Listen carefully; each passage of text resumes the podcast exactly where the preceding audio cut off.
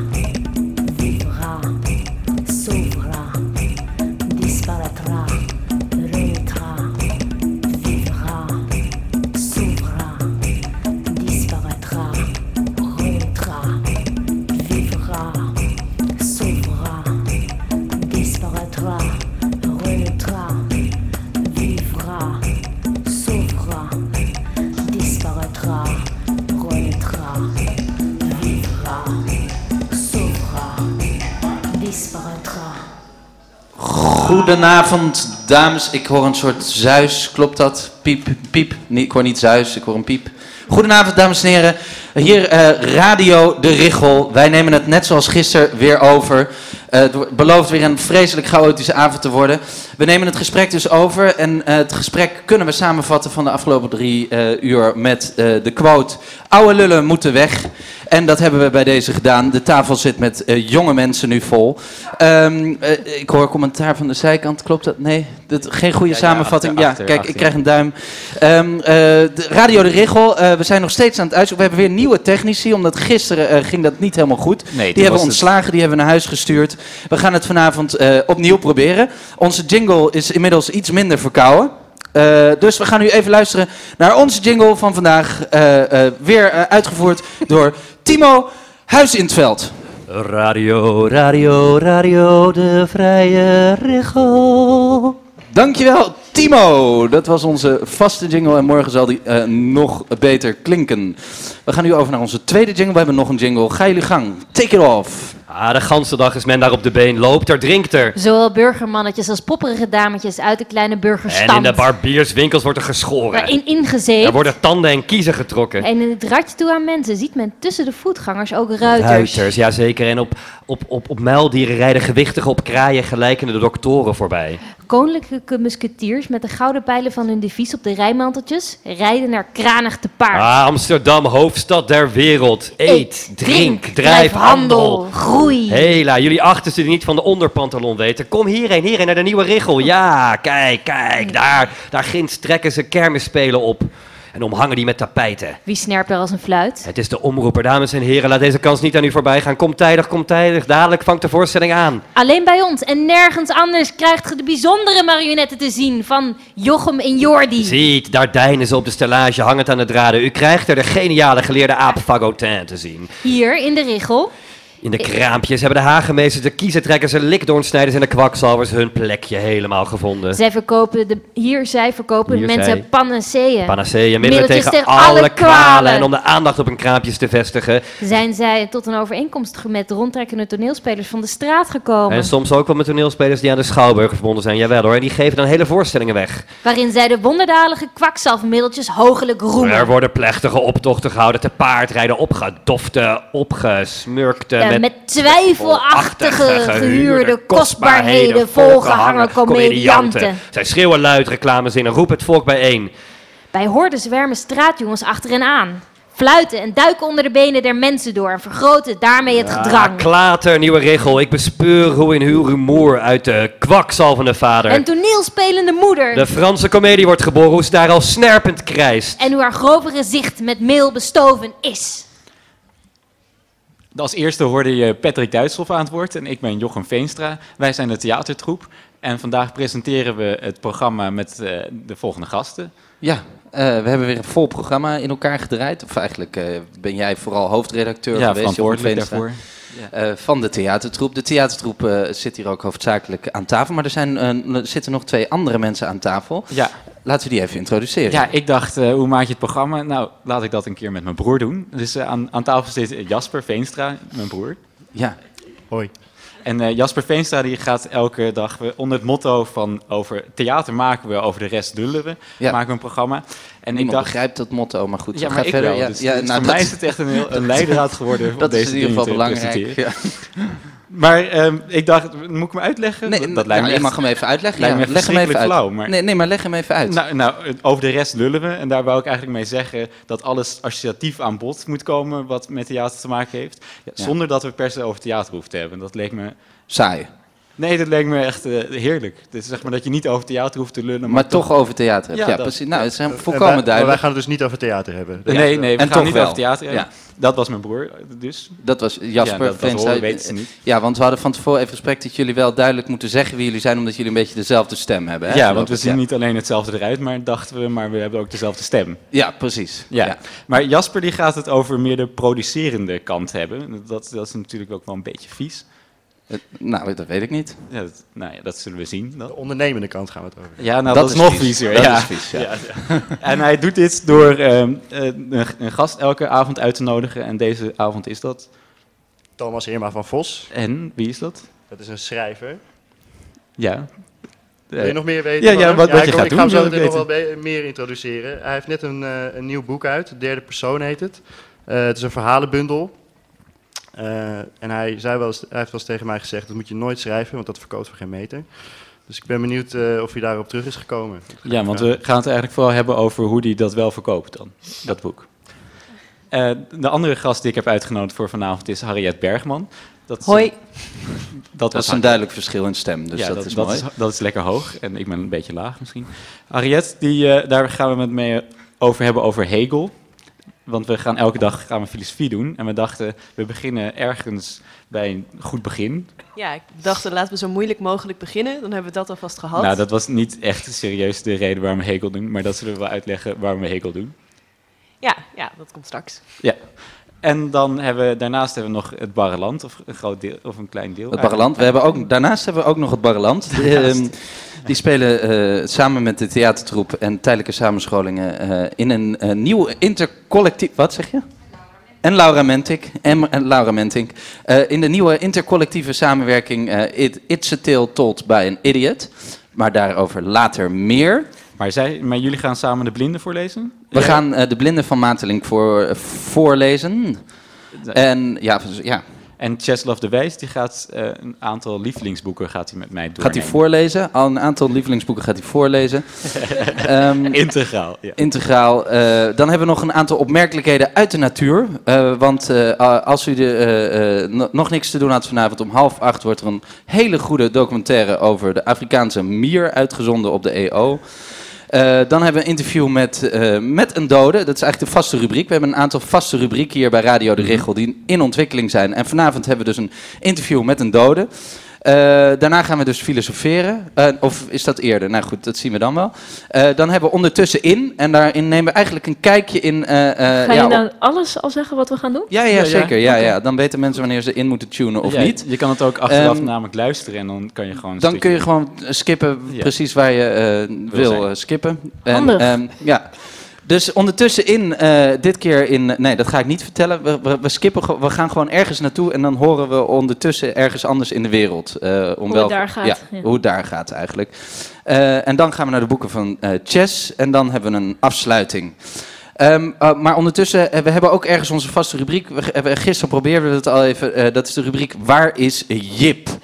En de rubriek Waar is Jip gaan we vanavond eh, weer proberen. Eh, gisteren lukte dat niet, hij nam niet op of eh, de, de techniek liet het afweten. We gaan het vanavond in ieder geval weer proberen. En we hopen steeds dat hij midden in een voorstelling zit en dan toch zijn telefoon opneemt en dan de voorstelling beschrijft. Goed, Ehm, nou, Ja, ik dacht dat er hier misschien een kort stukje muziek... Eh, ja, even achter de knoppen zitten eh Lissy en Jack. En die verzorgen de techniek eh, vanavond. Dus we hopen dat het iets beter gaat dan gisteren toen Jasmijn Friedhof achter de knoppen zat.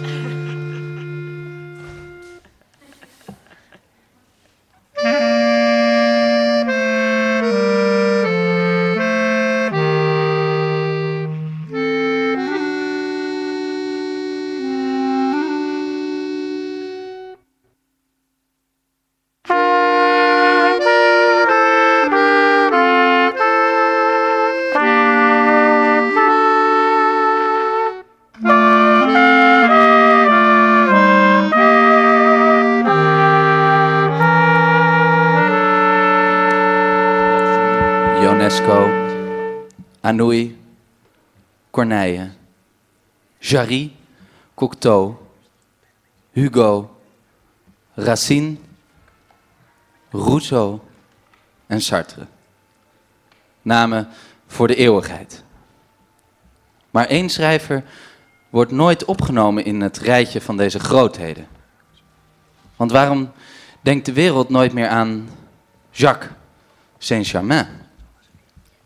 Anlai, Marin Marcin, Discours de la méthode, Rossi, Rosé, Rosa, Rosarum, Rossis, Pomme de terre, Le précieuse ridicule, vin rouge, vin blanc, bonne nuit, je voudrais me faire de lait, s'il vous plaît, canard entouré Jacques Jour, il est mort en 1673, l'école de la, je ne sais pas, baguette croissant de fromage, uit Pau.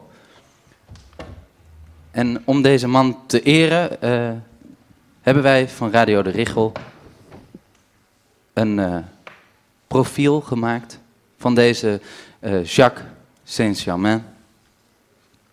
Anlai, Marin Marcin, Discours de la méthode. Rossi, Rosé, Rosa, Rosarum, Rossis, Pomme de terre, le précieuse, ridicule, vin rouge, vin blanc. Bonne nuit, je voudrais me faire de lait. S'il vous plaît, canard entourin chaque jour. Il est mort à 1660. L'école de la, je ne sais pas, baguette, croissant, de fromage.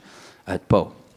En we beginnen met een gesprek met zijn eh enig nog levende familielid, eh, Claude Saint-Germain. Anlai. Marin Marcin.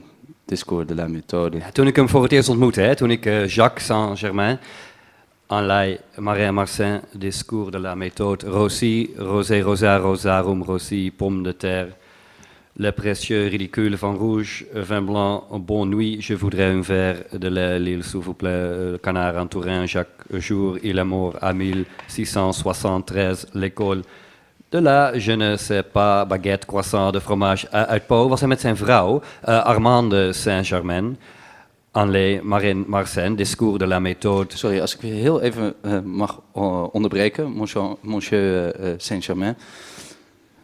Anlai Marin Marcin, Discours de la méthode, Rosé, Rosé, Rosa, Rosarum, Rossis, Pomme de terre, le précieuse ridicule, vin rouge, vin blanc, bonne nuit, je voudrais un faire de lait, s'il vous plaît, canard entouré chaque il est mort en 1660, le code de la...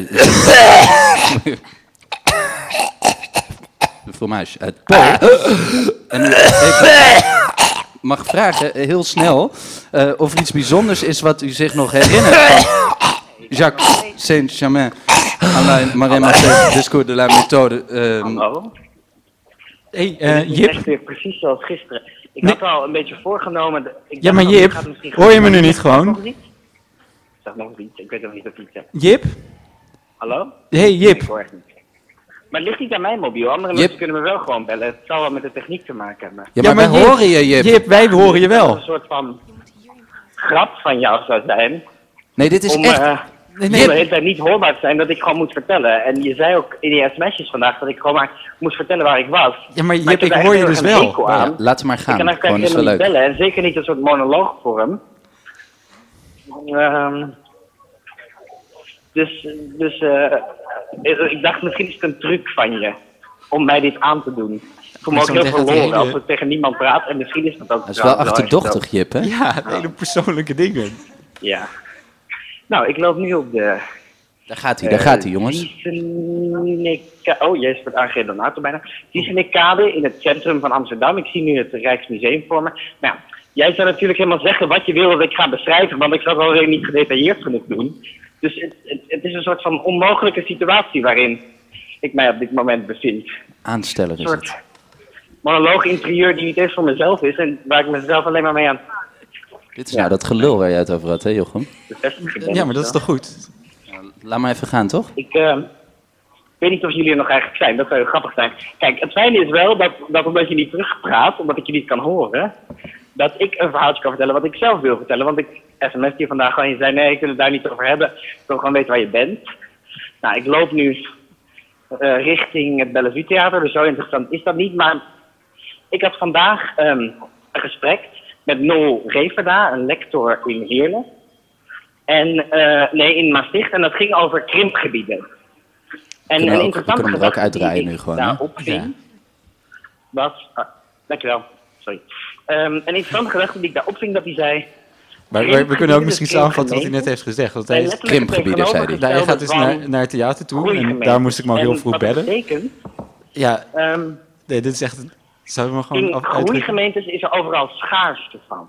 Maar wacht, maar schaarste... Nee, maar ik wil wel weten, schaarste waarvan dan? Ja, maar misschien kan ik hem dan heel even eruit trekken en dan stel ik een vraag en dan zeg ik nu en dan, dan horen we hem weer over de... Is dat een idee? Nee, ik weet het niet wat we moeten doen. Maar ik, ik ga dat eventjes proberen. Dus eh, luisteraars, ik trek hem er even uit zodat ik met hem kan praten. Luisteraars thuis, ja. Hebben we nog tijd? Jip? Wacht, eh, Jochem is op dit moment, ik zal het even samenvatten wat hier gebeurt op dit moment. Jochem is dus eh, met Jip aan het eh, vertellen nu wat, wat er dus aan de hand is. Het is een klein technisch probleem. Het is namelijk zo dat op het moment dat Jochem zijn kabeltje in de mobiele telefoon heeft waarmee gebeld wordt. Wacht, nee, nee, niet door de microfoon praat. En eh, de, op het moment dat hij dus het kabeltje in de telefoon stopt, dan eh, is, is- zijn wij niet meer te horen. Dus dan kunnen we hem geen instructies meer geven. Maar Jip die had het over krimpgebieden en over schaarstes. Altijd dat je het over krimpgebieden en schaarste hebt.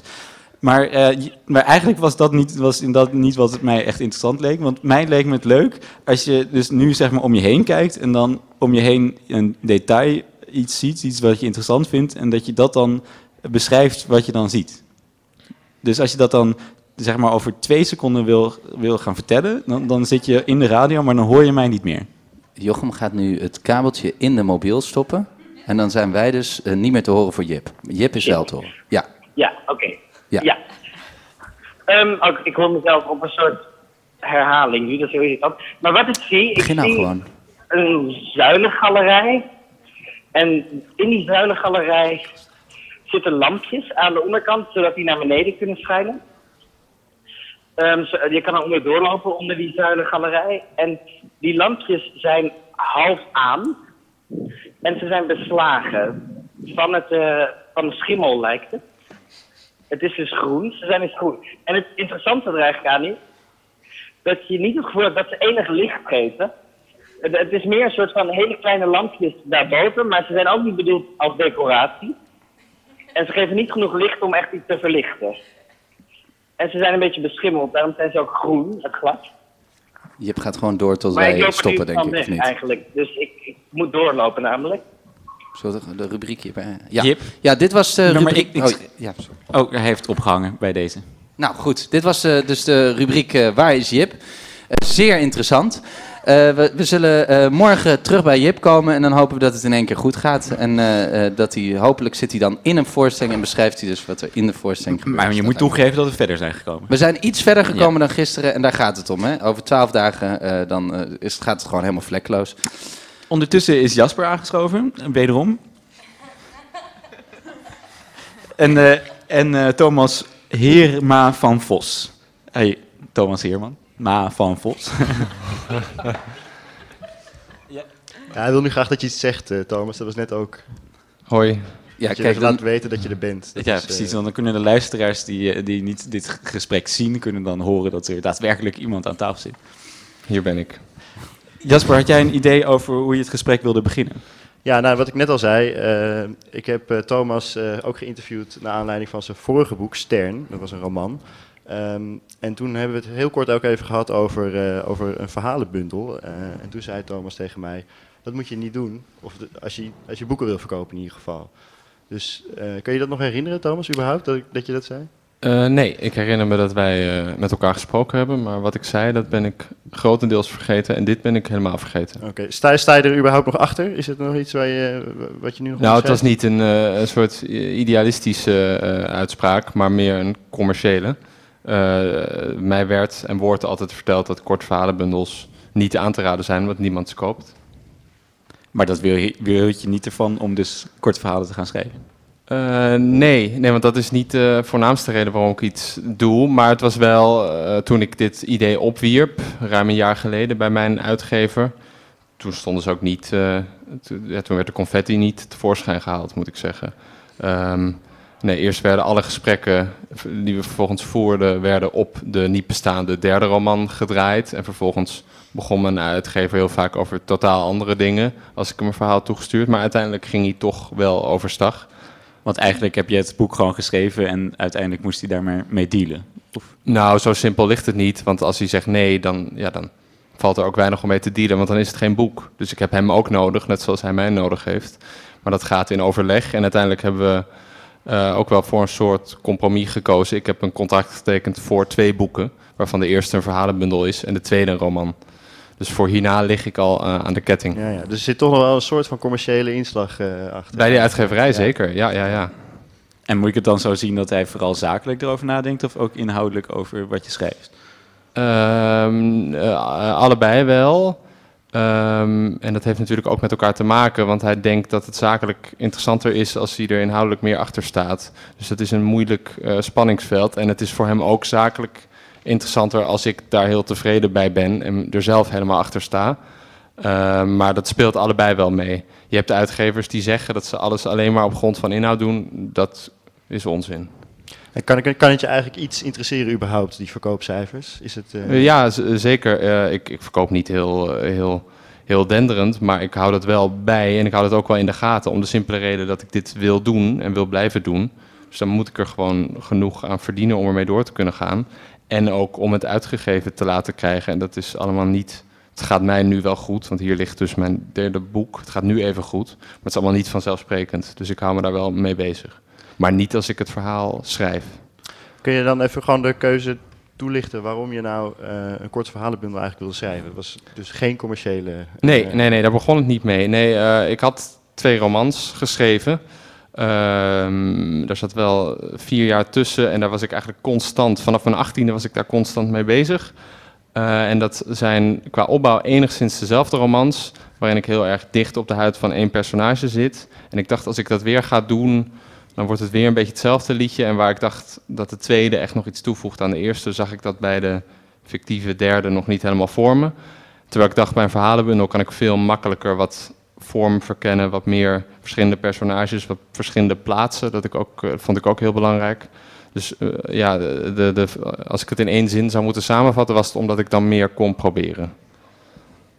Ja. Oké. Ehm, nou ben jij heel, heel actief op sociale media. Eh Oh, het zijn dat- wel meer eh, dat- dat valt meer wel mee. Oh, je vindt het zelf wel meevallen? Ja, dat vind ik wel meevallen, ja. Oké. ehm, nou, misschien komt het dan omdat ik niet al te veel schrijvers volg op sociale media, maar jou wel.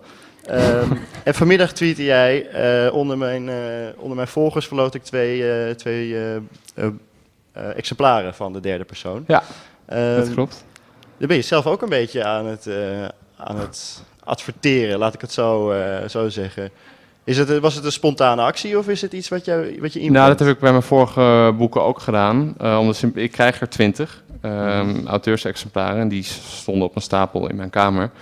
En ik dacht, het is wel een goede manier om ze en... Stond een beetje in de weg. Eh, dat nog net niet, maar ze stonden daar ook niet. Het is niet een mooie versiering verder. En ze stonden daar eh, en ik dacht, het is, het is nu een goed moment om, als het gedeeld kan worden, is het goed als veel mensen het zien. En ik vind het ook leuk als twee mensen het lezen, dus daar iets tussenin. Maar jij mailde mij dan ook bijvoorbeeld voor dit programma of ik hier dan even over kon tweeten. Ja. Ehm, maar daarvan denk ik dan, ja, als ik, als ik dit soort, met alle respect natuurlijk, ik zit hier, ik vind het heel gezellig. Eh, maar als ik elk klein interview of groot interview, elk interview eh, zou tweeten, Ja. dat wordt dan weer te veel. Dus het is niet dat ik alles per se deel. Nee. Dus daar selecteer je wel, wel heel bewust in. Dat is wel, Ja, eh, niet heel bewust. Ik ga het niet overleggen met iemand, maar dan denk ik gewoon ja, ja en nee. En het hangt er ook vanaf wat er verder op een dag is. Ja. En de Ja. grotere dingen. Zo, ik, Jasper vertelde dat je deze zomer bij Eén Vandaag te, te zien was geweest. Dat klopt, ja. Die, organiseer je die zelf of is dat, komt dat via je uitgever dat hij dat aan je vraagt? Eh, nou, ik, ik ga niet een vandaag opbellen of ze mij willen interviewen. Ik denk dat dat ook weinig kans zou hebben. Ehm, maar die, eh, die, hebben mij, die mailen mij dan zelf. En ja, dat gaat los van de uitgever. Nou, dat was een heel raar item. Want ik dacht steeds, wat is nou het eh addertje onder het gras? Wat is nou het haakje waarom ze mij... Ik ben niet vaak op tv geweest daarvoor, een enkele keer. Waarom ze mij willen interviewen. Maar dat addertje heb ik nog steeds niet gevonden. Ehm, dus het was gewoon een item van 15 minuten bij mij thuis over mij. En ze wilden het echt over schrijven hebben. En het idee was dat ik jong was. Nou, dat was niet echt een idee. Eh, maar het idee was dat dat, dat een aanleiding... Dat werd als Ja. aanleiding gezien. Ja. En in dat interview zeg jij eh, op een gegeven moment... je moet iets doen om zichtbaar te blijven. Oh, Of, of heb ik te dat zijn gezegd? zelfs. Eh, Oké. Ja, ik heb het hier opgeschreven, Ja. want ik vond het, eh, vond het wel... Nou, dat, in, met een context zei ik dat waarschijnlijk wel. Ja, eh, nou, het, het, het, Maar als, niet om heel lullig schets je zelf die context even. Ja, ja, ik weet het niet. Ja, dat is het gekke met Oh, één weet- vandaag. Dat is dan een item van 12 minuten. Maar ik ben in totaal zes uur met die vrouw op pad geweest. Dus eh, ik, heb geen, idee- ik heb het item ook niet teruggekeken. Ja. Dat eh, leek me niet zo aangenaam. Ehm, Waarom niet? Ik hoor en zie mezelf niet heel graag. Dus ik heb dat niet teruggekeken of opgezocht. Dus ik, weet- ik weet de context Je echt helemaal wel niet. over. Dat wel. Ja, ik kreeg een linkje toegestuurd. Dat heb ik toen getwitterd. Ja. Nee, oké. Ehm, je, daarvoor zat je in de, de grote boekenquiz. Eh daar ging ook in het item er eventjes over. ja, de NTR boekenquiz. De ja. NTR boekenquiz. Ehm, ehm, waarin je eh, niet alle vragen juist eh, wist te Nee, ik beantwoorden. werd laatste. Ja. Eh, waarom deed je daarmee en waarom deed je aan één vandaag wel mee? Of eh, zijn het gewoon dingen die dan op je pad komen dat je denkt, nou, waarom ook niet? Eh, nou, dat, dat, eh, één vandaag dacht ik echt waarom niet. Want daar, zoals ik net zei, daar zat volgens mij dus geen addertje onder. En ik hoefde niet over iets te vertellen wat ik helemaal, helemaal niet kende of wat helemaal los van mij stond. Bij die NTR Boekenquiz heb ik wel getwijfeld. Ik vind het quizconcept sowieso doodeng. Dan kan je heel makkelijk afgaan op tv. Het was eh, live. Ehm, maar ik dacht toch, boeken, als ik daar al niet, niet achter sta, niet iets over weet, niet iets over te zeggen heb, en het was ook nog in teamverband, eh, dacht ik, ach, dat, dat is wel aardig. Maar achteraf eh, weet ik niet zeker of ik het goede keuze heb gemaakt. Eh, nee, dat is altijd afwegen per verzoek. Ja. En wat is de afweging dan? Is het de, wat de Nou, ik werd bijvoorbeeld vlak voor NTR, die boekenquiz, werd ik ge- gebeld door een bekend Nederlands eh, talkshow-programma, door een bekende Nederlandse talkshow. En die vroegen mij dan of ik daar wilde vertellen over, naar aanleiding van de Amerikaanse prijs, over de slechtste eh, Nederlandse fictieve eh seksscène uit 2014. En ik heb echt nog steeds geen idee hoe ze bij mij uitkwamen. Maar dan moest ik dus zelf binnen twee uur een scène verzinnen. Dus op een fiets springen naar de studio in Amsterdam fietsen en daar dan tien minuten een verhaal over houden. En daar dacht ik, dit is wel een goed, goed moment om een grens te trekken. Dus dat deed ik dan weer niet. Maar zolang het iets met wat ik doe en wat, wat mij echt interesseert en waar ik iets van weet te maken heeft, in principe ga ik dan wel akkoord. Ja. En doe je dat dan om zichtbaar te blijven? Is het, of vind je het ook leuk? Ehm, nee, leuk is het niet, maar het is niet heel onaangenaam. En ehm, ja, ook wel om zichtbaar te blijven. Ja, en te- in dienst van mijn boeken. Niet dat ik zelf zichtbaar wil zijn, maar ik wil uiteindelijk wel dat mensen mijn boeken lezen. Mhm. Oké. En je had het over een addertje onder het gras, dat je daar bang voor was. Wat, wat voor een addertjes zie je? Ja, misschien is dat niet helemaal het goede woord, maar, maar ja, ik, ik kan me eigenlijk, als je, als je programmamaker bent bij één Vandaag, kan ik me niet voorstellen dat je dan... eh, ze hadden totale vrijheid. Het, was, het ging niet per se over boeken, die serie. Het was een zomerserie. Ik kan me niet voorstellen dat je dan denkt, nou, Thomas Iman van Vos, die moeten we hebben. Dus ik dacht, hoe komen ze hier in godsnaam bij? Wat, eh, wat willen ze doen? Hoe willen ze me uitlichten? Eh, dat bedoel ik meer. En, en, en vaak zit er wel zoals bij dat de slechtste seksscène of de beste seks... Nee, het was de slechtste seksscène. Och, wat erg.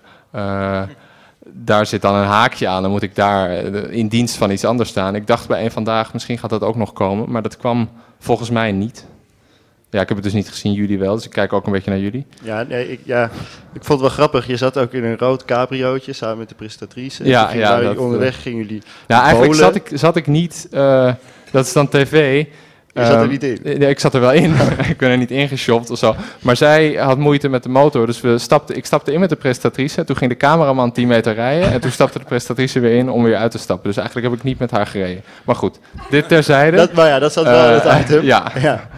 Ja? Ja, nee, ja, goed. Ik, vond het, ik vind het grappig dat je nu zegt dat je het niet hebt teruggekeken. En in het item zat ook, eh, ook over die boekenquiz. Ja. En dat, dat speelden jullie toen ook eventjes. Toen zei je ook al, ik de eerste keer dat ik dit, eh, dat ik dit terugzie. Ja.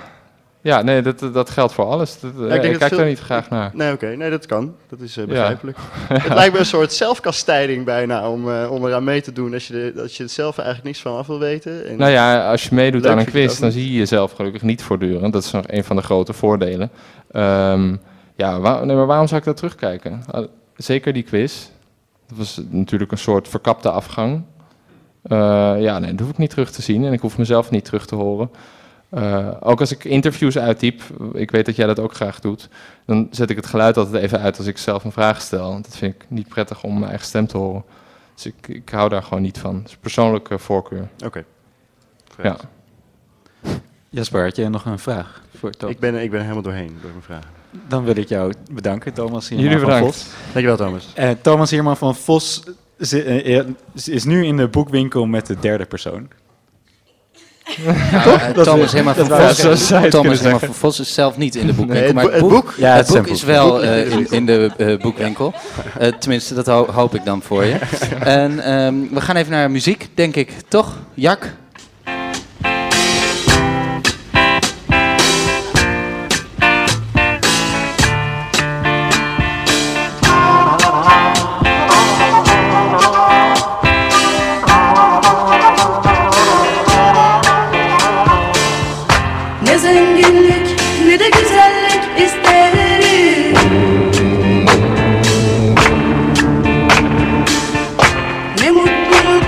Düşünürüm senden daha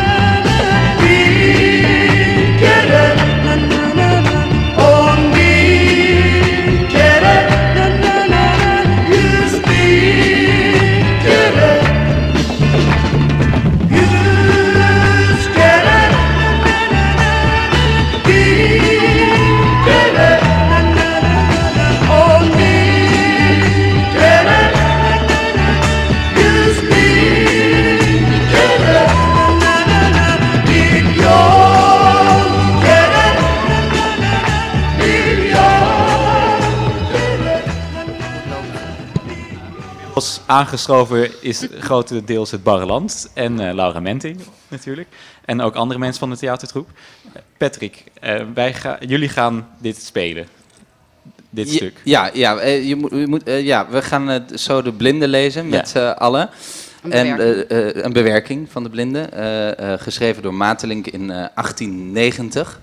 En eh, dat, we doen dat omdat we op, eh, in de week van 23 september, dus van 23 september tot en met Chess 28 september, Z- 27 september, eh, dus niet reserveren voor 28 september, van 23 tot 27 sep- tot en met 27 september. In Frascati 2.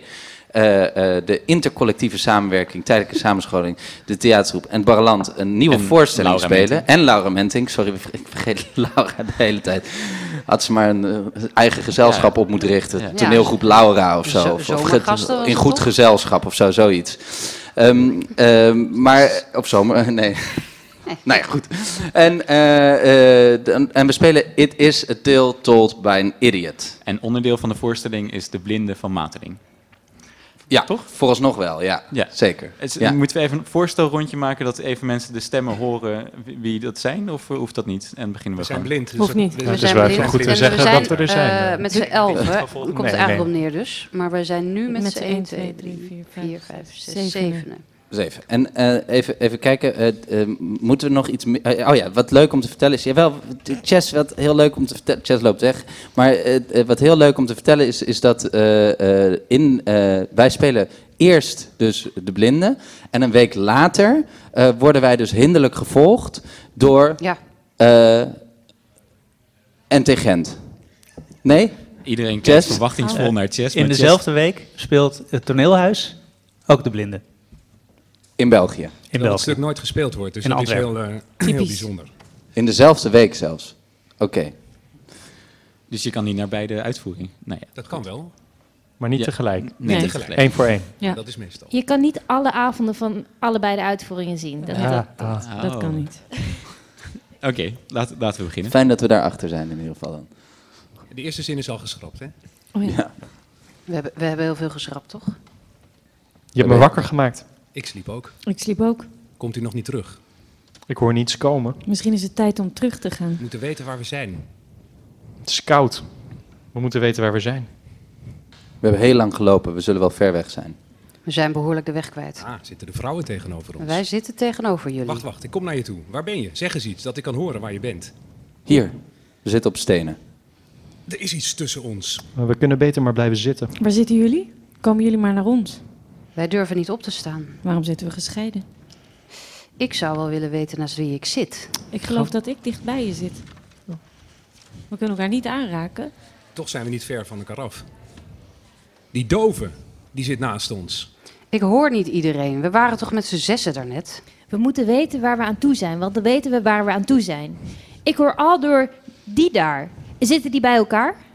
Die zitten naast mij op een rotsblok. Ik zit op dorre bladeren. En eh, de mooie blinde, waar is de mooie blinde? Die zit daar. Waar is de idioot met dat kind? Hij slaapt. Niet wakker maken. Ah, zit je helemaal daar? Ik dacht, je, ik, hè, ik dacht dat jij tegenover mij zat.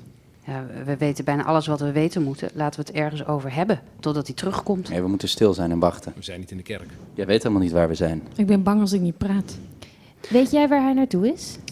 Het schijnt dat hij zelf niet goed meer zien kan de laatste tijd. Hij wil het niet toegeven omdat hij bang is, maar ik vermoed dat hij bijna niks meer ziet. Hij luistert niet meer naar ons, omdat we met veel te veel zijn. De groep wordt te groot. Waar is hij naartoe? Ik denk dat hij tegen de vrouwen heeft gezegd. Praat hij alleen nog maar met hen, dus staan wij soms niet meer. We moeten een klacht indienen. Waar dan? Bij wie dan? Dat weet ik nog niet. Dat zullen we zien, dat zullen we zien. Maar waar is hij dan naartoe? Hij was moe van het lange lopen. Ik geloof dat hij even tussen ons in is gaan zitten. Hij is heel triest en heel zwak sinds enige dagen. Hij is bang sinds de dokter dood is. Hij is alleen, hij praat bijna niet meer. Ik weet niet wat er gebeurd is. Hij wilde per se naar buiten vandaag. Hij zei dat hij het eiland wilde zien voor het laatst. In de zon, voor de winter. Het lijkt erop dat het een lange winter wordt en koud en dat het ijs nu al uit het noorden komt.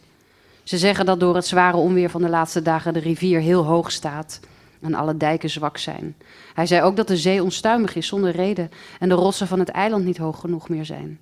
Hij wilde gaan kijken, maar hij heeft niet gezegd wat hij gezien heeft. Nu is hij, geloof ik, brood en water gaan halen. Hij heeft me gekust. Oh. Oh, oh jee. Hij zei dat het Rijk der Oude vandaag wel haast gedaan zou zijn. Wat wilde hij daarmee zeggen toen hij dat zei? Dat begreep ik niet. Hij zei dat hij richting van de grote vuurtoren ging. Is er hier een vuurtoren? Ja, daar. Ik geloof dat we er niet ver vandaan zijn. Daar heeft hij nooit iets over gezegd. Jullie luisteren niet als hij praat. Jullie praten altijd als hij praat. Hij zei alleen goeienacht terwijl hij wegging. Het moet al heel laat zijn. Hij heeft twee of drie keer goeienacht gezegd terwijl hij wegging, alsof hij ging slapen. Ik hoorde dat hij mij aankeek toen hij zei goeienacht, goeienacht. Je stem verandert als iemand je strak aankijkt. Heb medelijden met hen die niet kunnen zien. Nou zeg, wie praat er zo idioot? Maar ik geloof dat het die dove is. Hou er toch mee op. Het heeft toch helemaal geen zin meer om te bedelen. Waar ging die brood en water halen?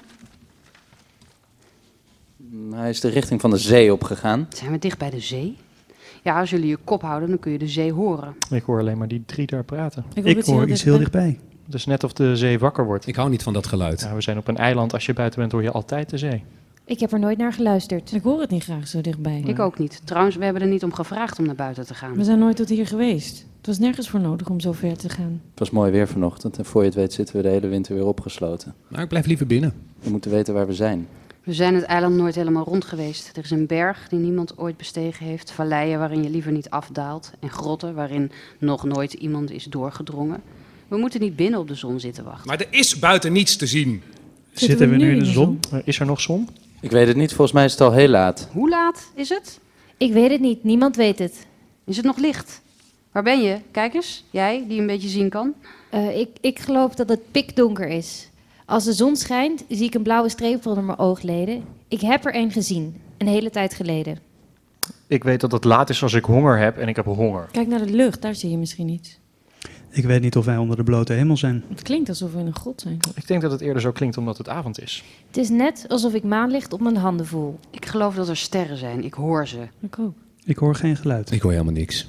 Ik hoor alleen het geluid van onze ademhaling. Ik geloof dat de vrouwen gelijk hebben. Ik heb de sterren nooit gehoord. Nee, wij ook Wij niet. ook niet. Wij ook niet. Luister.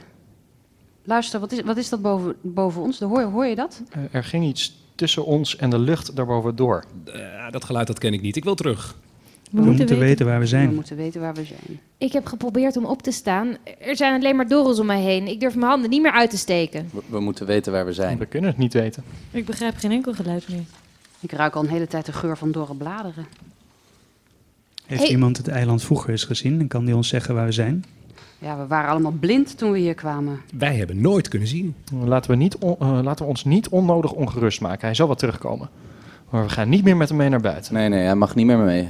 Maar we, we kunnen niet alleen naar buiten. We gaan niet naar buiten. Ik hou, er- ik hou, ik, ik hou, ik hou, ik, hè, ik, ik, Ik hou er niet van om niet naar buiten nee, te gaan. Ik, ik, ik, hou er meer van om niet naar buiten te gaan. Om niet naar buiten. Maar we hadden ook helemaal geen zin om naar buiten te gaan. Niemand heeft heeft gevraagd. Sta op, sta op, het is tijd, de zon schijnt. Was dat waar? Ik heb het niet gemerkt, ik heb de zon nooit gezien. Ik heb de zon gezien toen ik heel, heel jong was. Ja, ik ook. Lang geleden toen ik een kind was, maar ik herinner het me bijna niet meer. Waarom moeten we naar buiten iedere keer dat de zon schijnt? Wie merkt daar iets van? Ik weet nooit of ik overdag of s'nachts wandel. Ik hou er meer van om overdag naar buiten te gaan. Dan stel ik me voor dat er, dat er heel veel licht is, dat het heel helder is en dat mijn ogen hun best doen om zich te openen. Ik blijf liever in de eetzaal dicht bij het vuur. Er brandde vanochtend een groot vuur. Nou, waarom raak je mijn linker elleboog aan? Ik heb jou helemaal niet aangeraakt. Ik kan er niet bij. iemand heeft mijn elleboog aangeraakt. Niet iemand van ons. Ik wil weg. Oh god, oh god, zeg toch waar we zijn. Ja, we kunnen niet eeuwig blijven wachten. Oh, wat zijn we ver van huis. Oh, het is, eh, Het is het is middag. middag. Middernacht. Ik weet het niet, maar ik denk dat we in de schaduw zitten. Ik weet niet waar ik zit. eh, We hebben te lang geslapen. Ik heb honger. En we hebben honger en dorst. Zijn we al lang hier? Het is alsof ik hier al eeuwen ben. Ik begin te begrijpen waar we zijn. We moeten in de richting van, van waar het net middernacht heeft geslagen. Hoor je dat? Hoor je dat? We zijn hier niet alleen. Ik twijfel al de hele tijd. Iemand luistert naar ons. Ah, Ik weet niet wat het is. Het is eh, boven ons. hebben de anderen niets gehoord? Zeggen jullie maar al door niets. Mm, We luisteren nog. Ik hoor vleugels om me heen.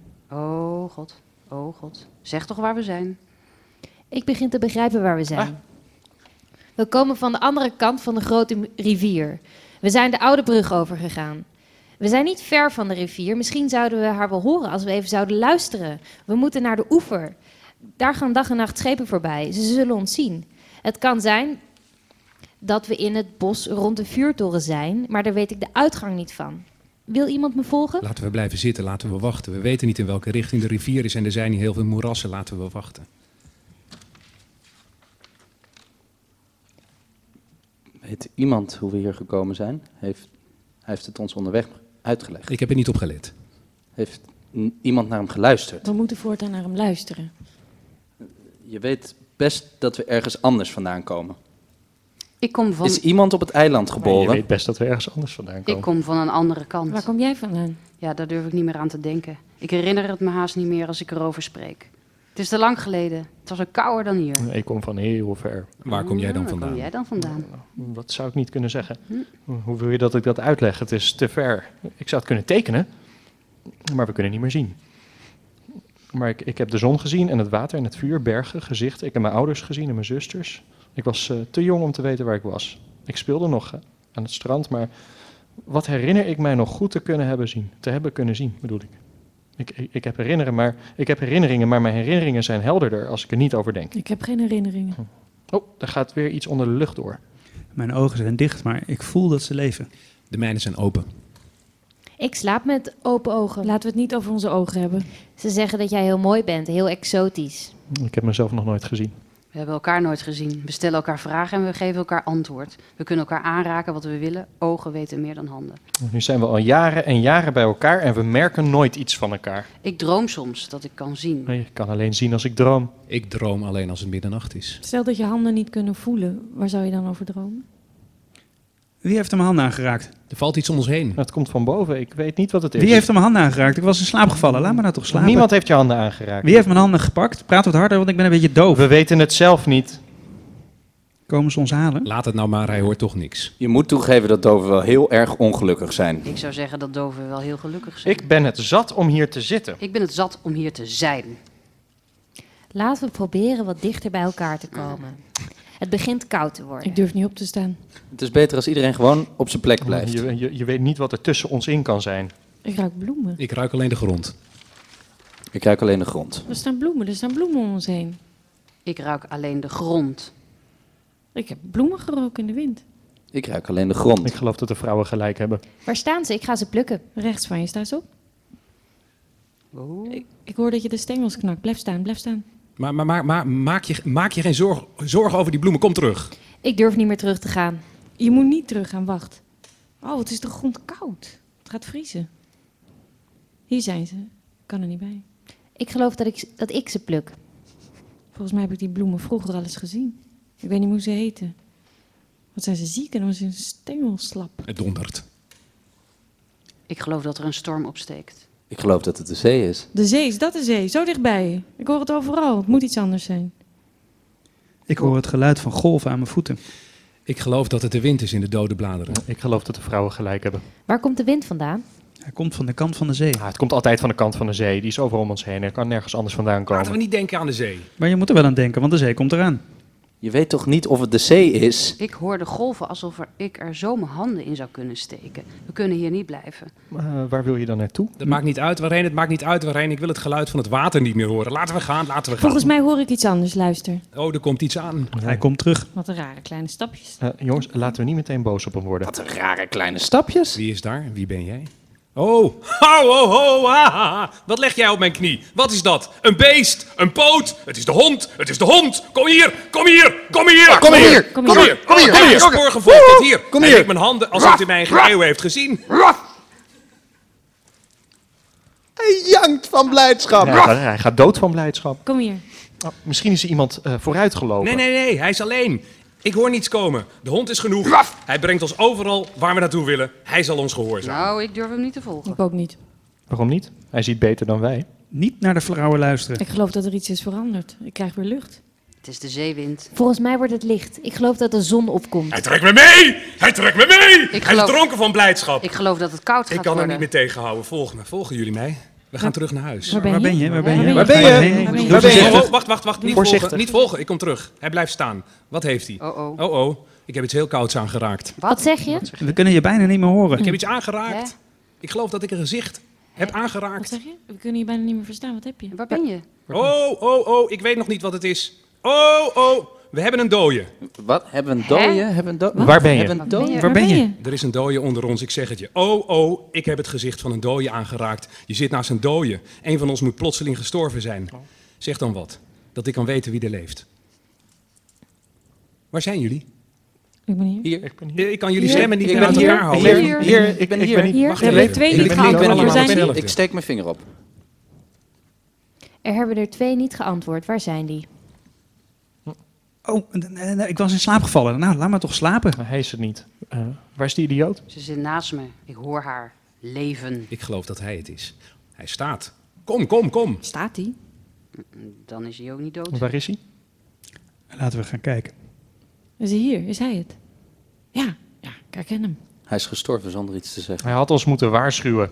Dat was hij oud. Het is de eerste keer dat ik zijn gezicht aanraak. Hij is groter dan wij. Hij is gestorven zomaar, zonder reden. Hij staat, hij staat niet, hij zit op een steen. Was hij ziek? Hij heeft ons niks gezegd. Was hij ziek? Wist jij dat? We wisten niks, we hebben hem nooit gezien. W- wanneer hebben we ooit iets geweten on- onder onze dode ogen? Hij klaagde niet. Nu is het te laat. Ik, ik heb er drie zien sterven, maar nooit zo. Nu is het onze beurt. Ik heb hem niks gedaan. Ik heb niets gezegd. Ik, ook niet. We zijn hem altijd, altijd, altijd, altijd gevolgd zonder iets te zeggen. Toen hij water ging halen voor de idioot, ging hij dood. Wat moeten we doen? Eh, waar gaan we naartoe? Waar is de hond? Hier, bij de dode. Trek hem mee. Ha- haal hem weg, haal hem weg. Hij, wil niet. We kunnen niet blijven wachten zijn dooi. Laten we bij elkaar blijven. We moeten, nee, we moeten niet uit elkaar gaan. We gaan allemaal op deze steen zitten. Waar zijn jullie? Hier, ben hier. Hier. Oh, wat heb jij een koude handen. Wat doe je? Oh, ik hield mijn handen tegen mijn ogen. Ik dacht opeens dat ik kon zien. Wie huilt daar zo? Ja, dat is de idioot die huilt. Maar ze weet toch niet wat er aan de hand is? Ik weet het niet. Oh, wat is de aarde hard. Ik hoor links van mij een geluid dat ik niet begrijp. Wie rilt daar zo? Ik kan mijn handen niet meer open doen. Ik hoor nog een geluid dat ik niet begrijp. Wie van ons rilt er toch zo? Ik hoor de noordenwind. Ik geloof dat er geen sterren meer zijn. Als iemand van ons in slaap valt, moet hij wakker gemaakt worden. Hm, Ja, maar, maar ik heb slaap. Hoor jij de dode bladeren? Ik geloof dat er iemand naar ons toe komt. Het is de wind, luister maar. Er komt niemand meer. Ik hoor lopen in de verte. Nee, ik hoor alleen maar de dode bladeren. Ik hoor lopen heel ver weg. lopen. Ik hoor alleen de noordenwind. Ik hoor voetstappen. Ik hoor voetstappen. Ik geloof dat de vrouwen gelijk hebben. Oh, oh, wat valt er voor kouds op mijn handen? Het sneeuwt. Het sneeuwt. Luister toch naar die voetstappen. Hou nog eens een keer je kop. Ik ga erop af. Oh, wees voorzichtig. Niet bang zijn.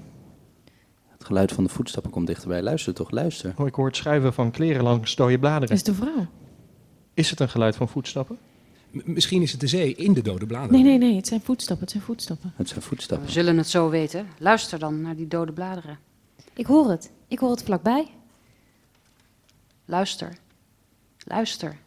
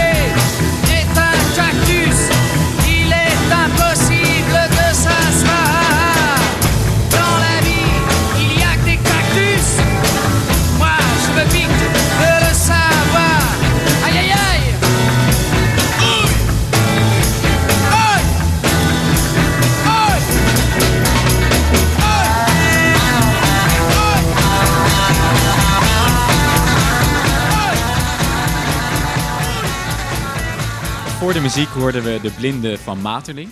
Eh, ja, dat eh, wordt gespeeld door een intercollectieve samenwerking bestaande uit de theatertroep Het Barreland, Laura Mentink en Tij- Tijdelijke Samenscholing. En die spelen dat eh, 23 tot en met 27 september in Frascati. Eh, en daarna, in januari en februari, gaan ze ook nog naar Utrecht. En... Gaan jullie? Nee. Wat zeg je? Gaan jullie. Ja, sorry, ja, ik, ik, praat, ik praat over iemand anders, maar ik, ik doe natuurlijk ook gewoon zelf mee.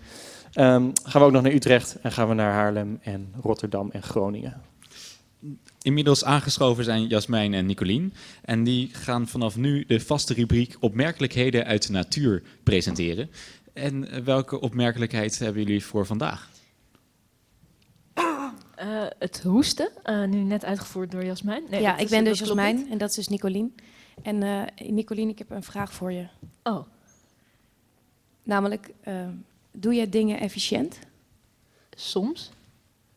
En ehm, eigenlijk nog beter, eh, hou jij van efficiëntie of juist van inefficiëntie? Eh, soms van het een, soms van het... Is dit een strikvraag, Jasmijn? Nee, het is geen strikvraag. Het was zo dat ik, ik kwam er namelijk achter dat eh, ik hou eigenlijk heel erg van inefficiëntie, denk ik. Mm, oké. Want bijvoorbeeld, ehm, als ik, Ik vind bijvoorbeeld... inefficiëntie wel heel charmant, in ieder geval. Vaak. Ja, nee, maar wat, want waar ik aan zat te denken was... Ik hou er bijvoorbeeld heel erg van als ik bijvoorbeeld ga koken... dat ik dan gewoon begin met waar ik zin heb om, om dat het dan te gaan snijden of zo. Maar dan kan het wel zijn dat je er later achter komt... dat je eigenlijk met iets anders beter had kunnen beginnen... zodat het ehm, makkelijker was of zo. Dus je- dan begin je met iets wat als laatste ingrediënt moet toegevoegd worden. of Ja, zo. bijvoorbeeld. Oké. Of dat ik, wat ik bijvoorbeeld ook altijd heel erg leuk vind... is eh, dat je gewoon naar het station loopt... om dan te kijken hoe laat de trein gaat die je moet hebben. Dat je dat niet van tevoren weet. En dat je dan aankomt en dat het kan zijn dat je hem net gemist hebt. Dat je dan een half uur moet wachten. Maar dat vind ik eigenlijk altijd heel erg... Eigenlijk dan altijd wel leuk. Dat Nee, je dan nee, dat, dat half vind ik toch wel moet echt minder leuk. Om, maar stations vind ik gewoon niet zo prettig. Of nou ja, ik heb, ja, je moet vaak al wel lang genoeg wachten. Ook ten tijde van het overstappen. Dus als je dan ook nog eens van tevoren moet wachten, dan ben je wel heel lang. Dus jij doet, jij doet dat niet? Mm, nou ja, ik zou misschien willen dat ik dat efficiënter deed. Maar eigenlijk doe ik dat En, ook. maar is, is naïef, is dat hetzelfde als inefficiënt?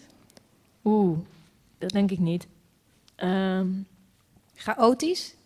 Is dat eh, eh, hetzelfde als inefficiënt?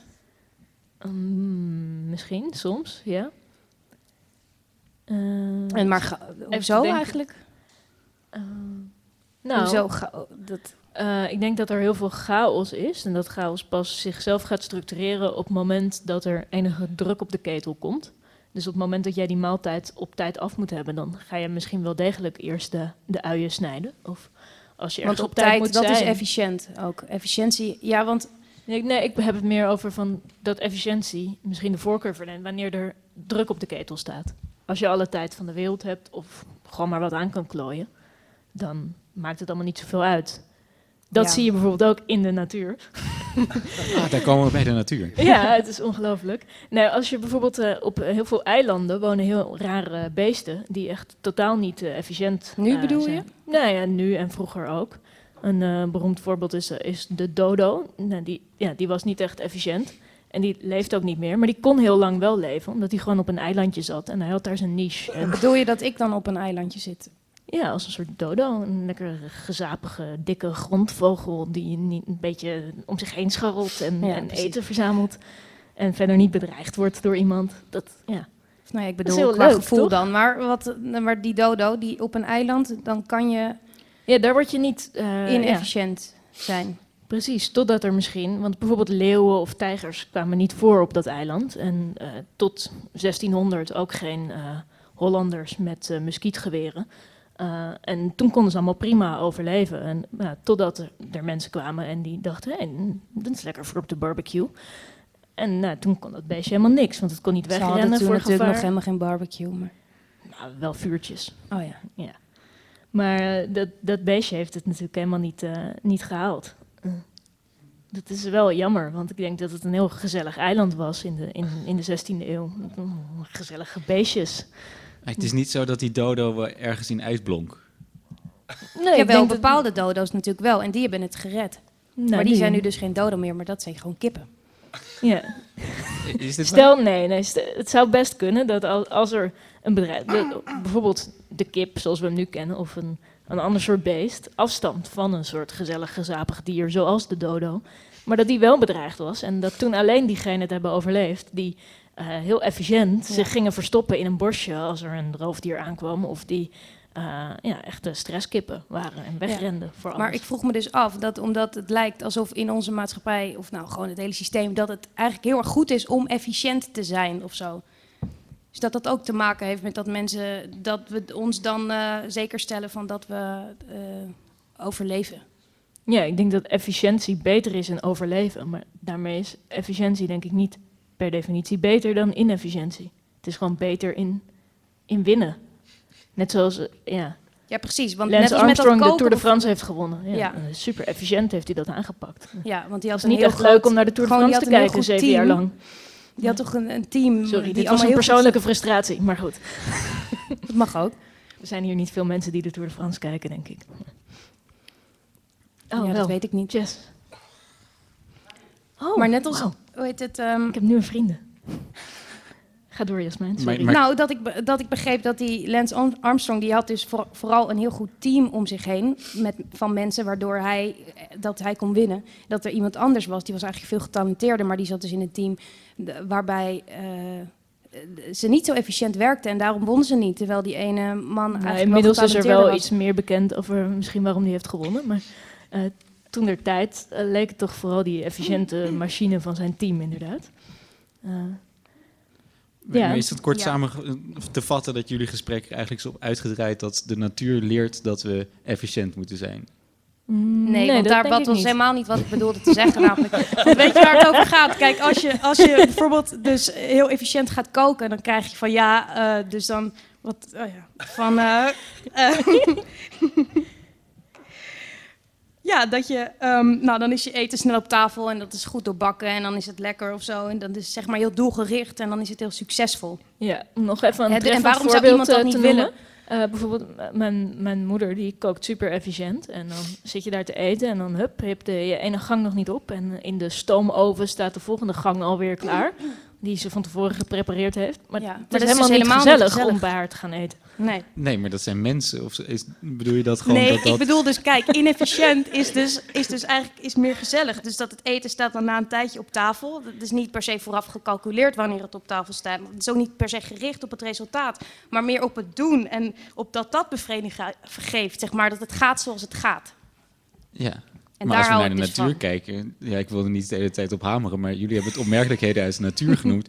En dan, dan als wat ik van jullie over natuur hoor, is dat de dodo niet efficiënt was, dat die dood is nu. Nou, dood, ik, ik wil persoonlijk niet dood. En dus als we naar de natuur kijken, inefficiëntie slecht. Nou ja, het is natuurlijk wel zo dat de dodo ging dood omdat hij inefficiënt was. En dat wij nu op on- ontzettend efficiënte wijze zorgen dat kippen leven en vervolgens ook weer doodgaan. Maar die, die is nog niet met eh, uitsterven bedreigd. Laten we dat als conclusie nemen? Nou, ik wilde Nee. nog één ding vragen. Wil Het is gewoon een Ehm, omdraaiing. Namelijk, ehm, was dit een efficiënt gesprek?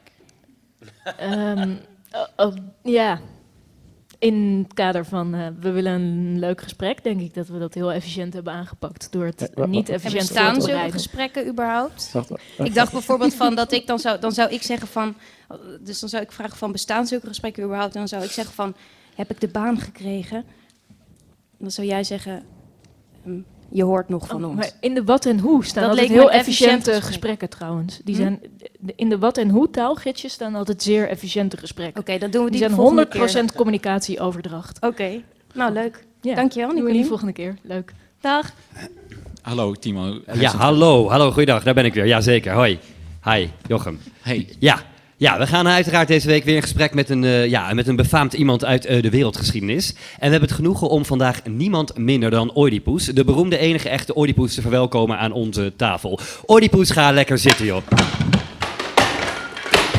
Oei, haha, oei, ha.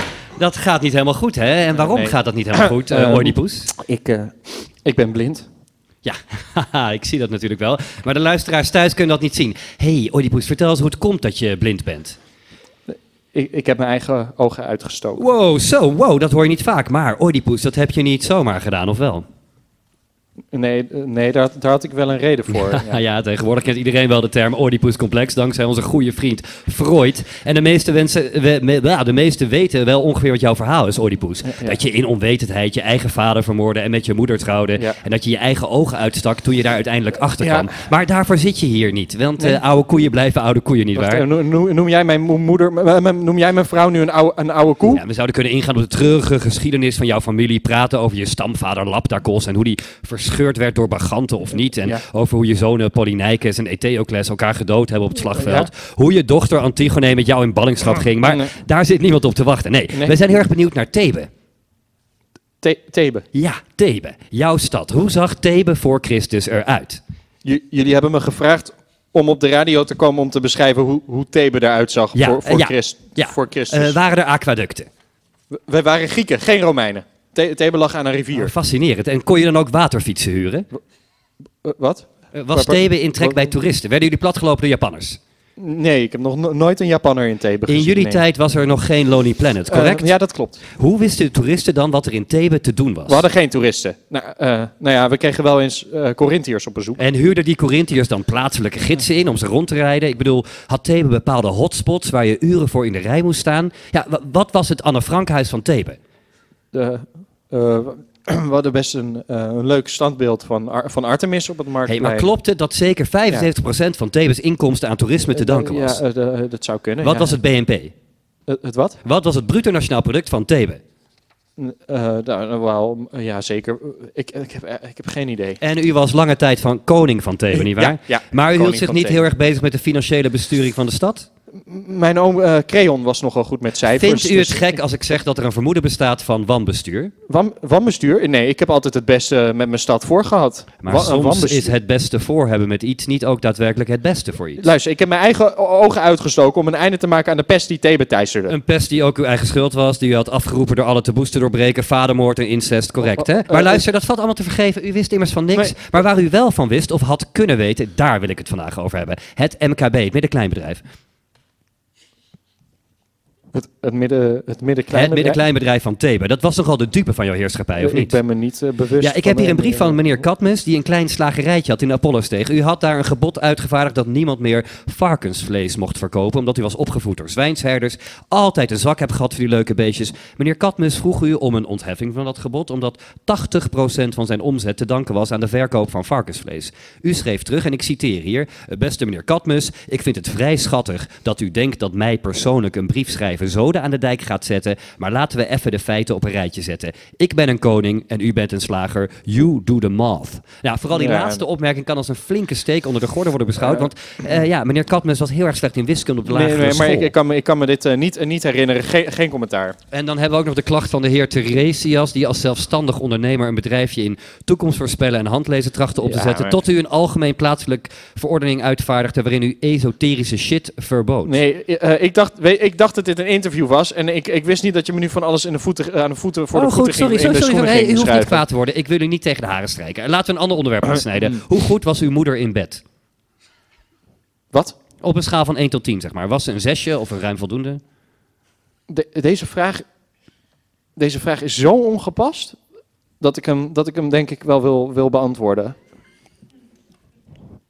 Ze was een 7,5. Aanvankelijk dacht ik een 9, maar... Nou ja, Kunnen we dus dat- stellen dat dat nog wat Ja, teleurstellend dat er een anticlimax van heb ik jou daar. Ja. Nou, ik ben wel een beetje uitgebreid, Oedipus, maar misschien zijn er nog luisteraars thuis die een vraag hebben voor hem. Ah, daar hebben we iemand. Eh, ja, eh, uw naam? Eh Gerry, eh, wat wil je aan onze gast vragen? U bent opgevoed door zwijnsherders. Eh, ja, dat, ja, dat klopt. Ja.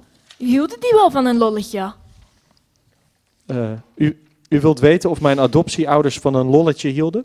Ja, want ziet u, ik heb zelf een dochter en die kan ik niet uitstaan. En ik ben van plan haar ook achter te laten in de bergen. Ja. Maar ik zou het wel heel zielig vinden als ze nooit meer lol had. Ja.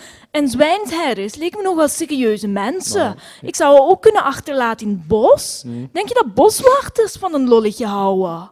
Ik, ken, de- ik, ken, ik heb ooit een boswachter gekend die veel, veel moppen tapte, als, de, als dat helpt.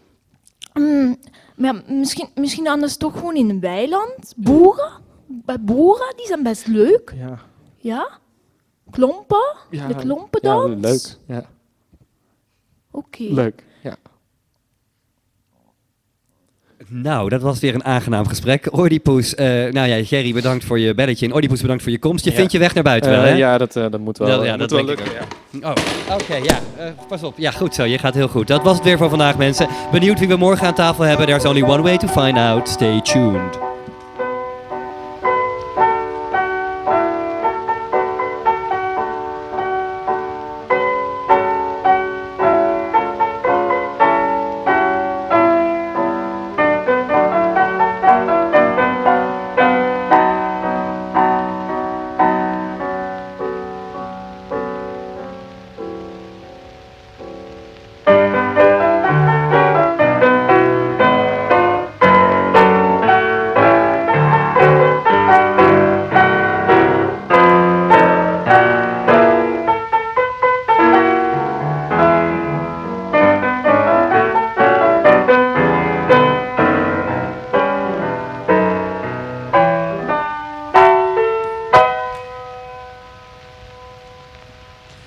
Harriet Bergman. Hoi. Hey, wij gaan het hebben over Hegel. Ja, een van de moeilijkste filosofen, maar wel eh, nou ja, de leukste. Want als jullie dit straks begrijpen, of ook maar enigszins een klein beetje begrijpen, want zelf begrijpen we het ook nog niet helemaal.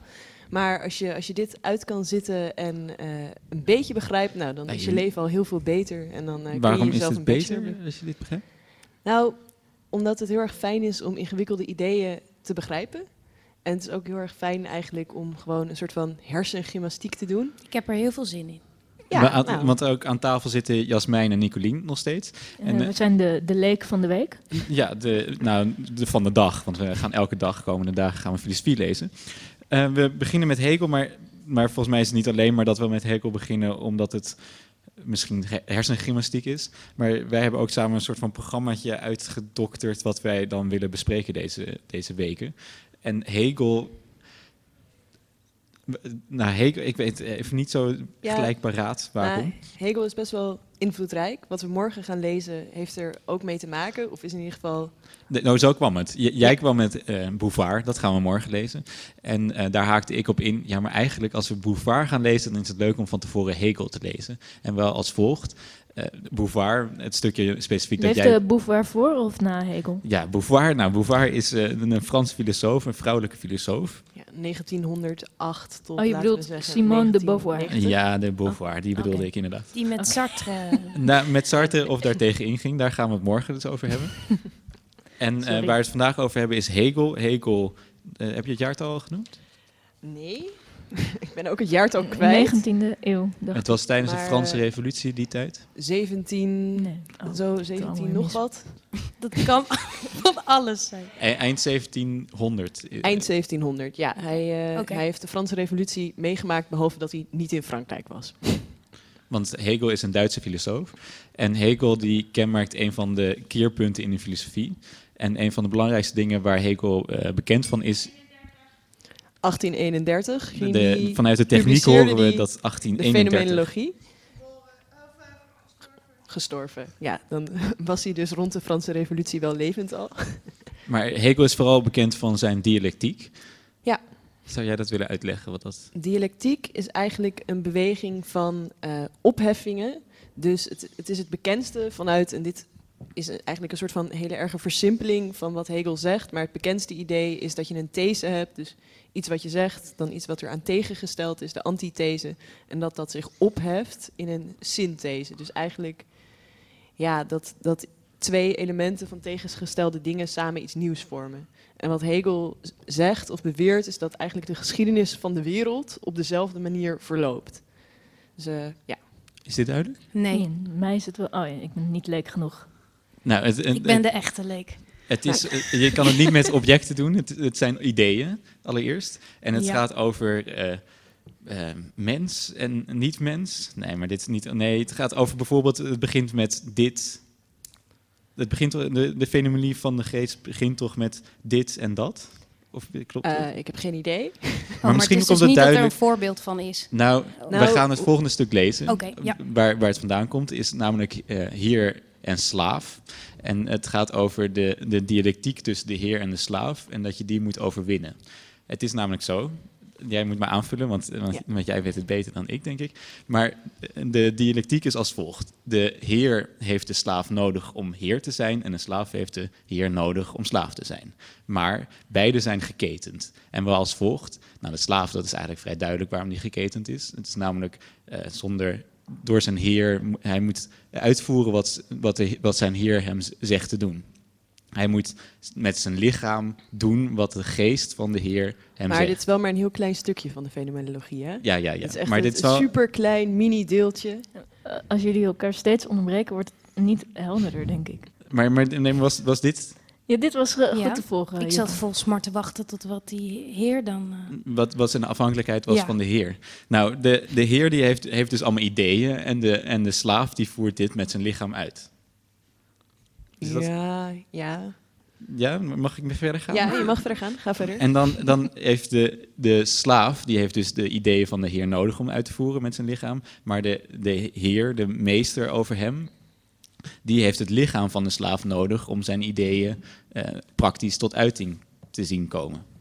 Ja, Dus ze hebben bijna een afhankelijkheid van elkaar. En die moet opgeheven worden. Daar moet een synthese uit ontstaan. En dus ze moeten niet meer slavenmeester zijn, want dan zijn ze niet volledig vrij. En het stuk dat wij gaan lezen is eigenlijk voor de, de verhoudingen zo zijn vastgelegd. Want eh, die heer en die slaaf die komen in die verhouding eigenlijk naar aanleiding van een strijd op leven en dood. En eigenlijk degene die die strijd wint of lijkt te winnen, dat wordt de meester. En degene die de, s- de strijd dreigt te verliezen, wordt de slaaf. En wat wij gaan lezen is eigenlijk waarom mensen die strijd zouden willen aangaan. Want waarom zouden wij een strijd op leven en dood voeren? Wat, wat heeft dat in godsnaam Volgens mij voor moet je zin? nog duidelijk maken wat, waarom leven en dood, wa- wa- waarom die dat introduceert. Nou, dat is als volgt. Eigenlijk als je, eh, als je het eerste nadenkt over wat je bent, dan ben je vooral gedachten en ideeën en heb je nog niet door dat je eigenlijk een ding bent tussen de andere dingen op de wereld. Voor mij, eh, ik, ben, ik, ik voer dingen uit, ik doe iets, ik ben actief, dus ik ben eigenlijk een subject, ik handel. Maar doordat ik zie dat jullie naar me kijken en doordat jullie van mij niet het beeld hebben van een subject dat handelt en dat ideeën heeft, maar jullie zien mij gewoon als iemand in een groen jurkje dat beweegt, dat ruimte inneemt. Dus hoe jullie mij zien is heel anders dan hoe ik mezelf zie. En eh, hoe ik mezelf zou willen zien, volgens Hegel in een bepaalde interpretatie, hoe ik mezelf zou willen zien, hoe mensen zichzelf willen zien, is als een handelend subject, als iemand die actief is, die dingen doet, en niet als een lichamelijk object dat ruimte inneemt. En om te laten zien dat je subject bent, laat je volgens Hegel zien dat je niet aan de wereld zoals die is, niet aan de tastbare wereld gebonden bent en dat je voornamelijk bewustzijn bent. Dat je subject bent en dat je je En daar, daar haakt hij in op de strijd om leven en dood. Want zodra je die voert en dus je lichamelijkheid eigenlijk achter je laat, want dat, dat was voor hem Ja. de dood, dat je je lichamelijkheid durft achter te laten, Die zet je op het spel. Ben je volledig vrij. Of tenminste, laat je zien dat je daar niet aan gebonden bent en dat je dus meer subject bent dan de ander. Is dit duidelijk? Ja, dit kan ik wel volgen. Oké, Mhm. nou, dan kunnen we nu gaan lezen. Ja, het, eh, het is eh, onder waarschuwing, want het begin is het verreweg het lastigst. Dus als we daar doorheen bikkelen, dan komen we op, eh, op na een derde van de tekst komen we op iets dat simpeler is en beter te volgen is. Yes. Ga jij het voorlezen of ga ik het voorlezen? Ik, ik ga het wel voorlezen, dan mag jij eh, onderbreken. De presentatie van zichzelf, nu als zuivere abstractie van het zelfbewustzijn, komt erop neer dat het zich toont als zuivere negatie van zijn voorwerpelijke zijnswijze. Ja, laten we gelijk tot hier doen. Dus de presentatie van zichzelf nu als zuivere abstractie. Harriet. Nou, het is dus, als je het leest als nu als zuivere abstractie van het zelfbewustzijn, dan houdt dat dus in dat je jezelf presenteert als abstractie van het zelfbewustzijn. Dus dat je je niet presenteert als object. Dus dat ik niet, eh, nou ja, eigenlijk in de radio is het extra makkelijk. Jullie horen alleen mijn ideeën en jullie zien niet dat ik hier zit. Dus ik presenteer me als de ideeën die ik heb en niet als iets wat ruimte inneemt. En daarmee toon je je zuivere negatie van zijn voorwerpelijke zijnswijze. Ja, in dit geval dus van eh, haar voorwerpelijke zijnswijze. maar eh, ik ontken dus, of nou ja, dat, dat doe ik niet echt, maar door mijn ideeën de wereld in te slingeren en niet mijn voorwerpelijkheid, ontken ik dus eigenlijk dat ik die lichamelijkheid ben. Of althans, dat doe ik niet Negatie echt. ontkennen. Maar ja, ik, ik zeg van, die, dat lichamelijke is niet het belangrijkste. Het idee is het belangrijkste. Dat is wat er staat. Oké. Eh, en dan waren we bij, oftewel dat het laat zien aan geen enkel bepaald bestendig bestaan te zijn gebonden. Nou, dat is hetzelfde. En dan in het geheel niet te zijn gebonden aan de algemene enkelheid van het bestaan.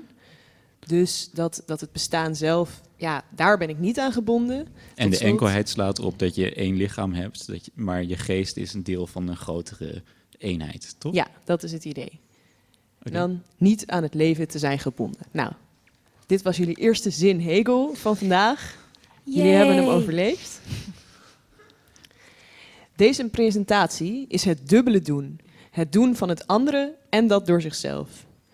Voor zover het de activiteit van het andere is, richt elk zich op de dood van het andere. Wacht, deze twee zinnen nog even. De presentatie is het dubbele doen. Het doen van het andere en dat door zichzelf. Wat? Dus Ehm, het doen van de andere en dat door zichzelf? Eh, het wordt eigenlijk duidelijk als je kijkt naar de zin daarop. Voor zover het de activiteit van het andere is, richt elk zich op de dood van het andere. Dus het, je wilt iedereen vermoorden? nou, het andere slaat dus op het andere zelfbewustzijn waar we eigenlijk mee strijden. En eh, het doen van het andere eh, richt zich dus op de dood van het andere. Dus om, dat, eh, om die erkenning te krijgen, proberen we in een soort van metafoor of hoe het, hoe het ook echt zit, proberen we, leveren wij een strijd en richt ik mij op de dood van jou. Eh, dat doen we natuurlijk niet eh. echt. Ja, maar ze bedoelen lichamelijk alleen, hè? Eh, Dood. Nee, nee, nee. Dit, is- dit is denk ik niet per se lichamelijk. Dit is gewoon zijn... Nee, maar je, je dus dat... Je... Ja. Ja, je kunt het op eh, bijvoorbeeld, ehm, het is echt op heel veel verschillende manieren eh, is, er, is er met dit idee van meester-slaaf eh, doorgegaan. Bijvoorbeeld Fukuyama van de, de End of History, die heeft het over niet twee mensen die met elkaar strijden, maar twee ideeën die zeg maar deze strijd met elkaar voeren. Dus dan gaat het bijvoorbeeld over eh, politieke ideeën, het liberale tegen het sociaal-democratische. Dus het gaat ook om eh, dat jij de, de ideeën die Harriet hier eh, de radio opslingert eh, dood wil hebben. Dus wel vermoorden. Ja, mm, In, in deze strijd dan, hè? Volgens mij moeten jullie verder lezen. Voor Ja, voor we dit, lezen verder. dit het overneemt. Want daarin is echter ook het tweede aanwezig, het doen door zichzelf. Want het eerste sluit het riskeren van het eigen leven in. Dat is eh, wat we eigenlijk net al zeiden, dat om te laten zien dat je voornamelijk subject bent, dat je, dat je vanwege je ideeën dingen wil doen, dat je niet gebonden bent aan het lichamelijke. Want juist het soort van lichamelijke is wat ons gelijk maakt aan dieren en dat we ideeën hebben is wat ons onderscheidt.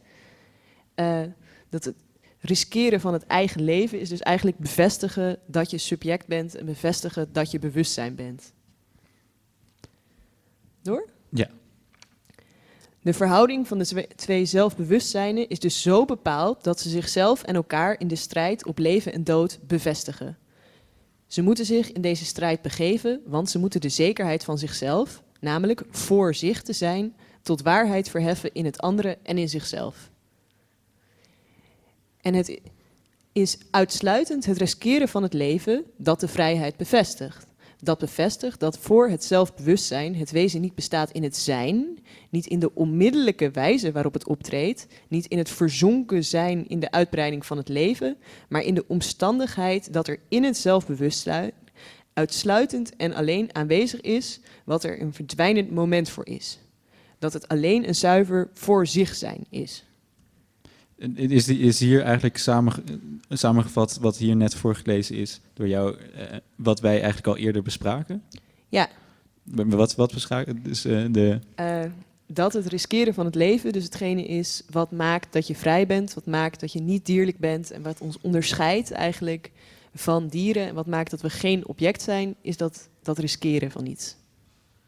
Ik zie de Mhm. leken eh, knikken. Ja, ik zat me net te bedenken dat het eh, in deze tekst allemaal zeer eh, efficiënt is opgeschreven. Het is echt in, zeer weinig woorden. eh. Ja, dat is hoe filosofen het doen en dan toch een heel dik boek produceren. het is ongelooflijk wa- wat daar allemaal in beschreven moet zijn. Maar goed, dat was een gedachte, een zijspoorgedachte. Ja, het is dan wel weer zo dat de meeste mensen dan alleen dit stukje lezen. Omdat alle andere stukjes, ja, dat, kunt bijvoorbeeld ook een scriptie schrijven over vier bladzijden Hegel. En dan een scriptie van, nou, laten we zeggen 100 bladzijden en daar dan op promoveren. Dat soort dingen kunnen gewoon als je zo compact schrijft dat je er oneindig veel uit kan halen. Dus, eh, ja, filosofie. We zijn op twee derde. Laten we nog het laatste derde deel En nu wordt het lezen. makkelijk, toch? Dit Ja. is makkelijker. Dat heeft hij beloofd. Ja. Het individu dat zijn leven nooit op het spel heeft gezet, kan misschien als persoon worden erkend, maar het heeft de waarheid van dat erkend worden als van een zelfstandig zelfbewustzijn niet bereikt. Elk individu moet net zo streven naar de dood van het andere als het zijn eigen leven in de waagschaal stelt. Want het andere heeft voor het zelfbewustzijn niet meer waarde dan het zelf. Zijn wezen presenteert zich aan het zelfbewustzijn als iets anders. Het is buiten zichzelf. Het moet zijn, buiten zichzelf zijn, opheffen. Het andere is een op veel manieren verstrikt zijn en zijn bewustzijn en moet zijn anders zijn als zuiver voor zich zijn als absolute negatie aanschouwen. Dus hier in het laatste deel is de synthese besproken. Als je dus de strijd op leven en dood aangaat, eh, dan, dan, dan ont, eh, ontdoe je je van je lichamelijke zijn en, en kom je tot je geestelijke zijn. Ja. Jochem kijkt hier heel blij eh, bij. Dat kunnen Nou. jullie helemaal niet eh, eh, ja, zien. Nou, wat ik nog aan toe wou voegen, dit, we hebben nu net besproken eh, Hegel en eh, jullie vonden het nogal eh, agressief. Kan ik het wel samenvatten, denk ik? Nou, ingewikkeld. Ingewikkeld, eh, dat, dat ook, maar ja, dat is toch niet erg? hoop Nee, ik. nee. Want morgen gaan we met de Beauvoir aan de slag. En de Beauvoir... Beauvoir. Beauvoir. Ik denk De steeds aan een hond, maar dat, dat heet een bouvier. Maar Ja, misschien ik ook wel. je- En kom ik daardoor heet het op Beauvoir en niet op Beauvoir. Oh. Maar de Beauvoir, daar gaan we het morgen over hebben. Want deze agressieve kijk op eh, de- deze synthese om hier toe te komen... gaat Hoeft zij trouwens niet alleen maar agressief te zijn, hè? Ja, niet e- bij onze interpretatie was dat het agressief was, maar... Ja, maar dat, dat komt door hoe ons gesprek ging. Ja. Het had net zo goed heel, heel anders kunnen lopen. Nou, maar dat Niemand we- heeft het woord agressief gezegd totdat Jochem het ging samenvatten. Maar dat kunnen we, als het goed is, morgen zien. Want de, de Beauvoir die heeft een andere lezing van, van Hegel. En zij past het toe op eh, de- de vrouw, het vrouwelijk zijn en, en het mannelijk zijn. En hoe die in een, eh, in een ongelijke situatie met elkaar samenhangen. En dat door de liefde, door seks. Ik Ja, dat? maar we gaan het morgen niet hebben over mannen en vrouwen. Nee. Omdat de Beauvoir eigenlijk altijd al wordt gezegd dat het heeft over mannen en vrouwen. Terwijl Maar het heeft wel iets met man en vrouw te Ja, maken. maar dat, dat gaan we gewoon... Want het heeft te maken met... de- Alles heeft altijd een beetje met mannen en vrouwen te maken. Het heeft te maken met de, met de liefde. Het heeft te maken met de liefde, dat zeg ik. Het heeft te maken met de liefde. Maar, Ja, maar liefde kan ook tussen twee Het- mannen ja, zijn. dat kan ook. eh, even- Ook in haar tijd al? Ook in haar tijd. Ja, ook in haar tijd. En door, door middel van de liefde... door middel van de liefde is, is haar synthese dat door de middel van de liefde op eenzelfde manier we deze slaaf-meester dialectiek kunnen ontstijgen. Joepie.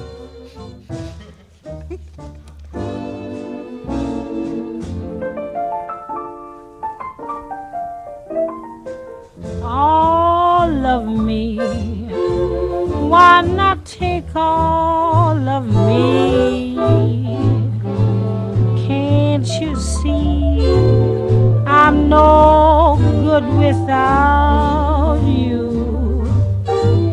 Take my lips, I want to lose them. Take my arms, I'll never use them. Your goodbye left me with eyes that cry. How can I go on, dear, without you? You took the part that once was my heart. So why not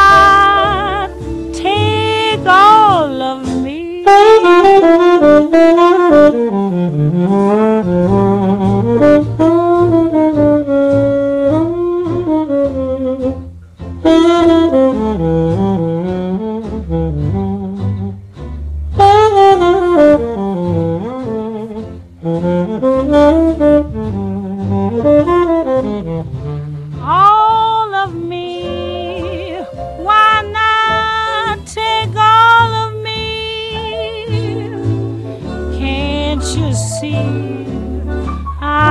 I'm no good without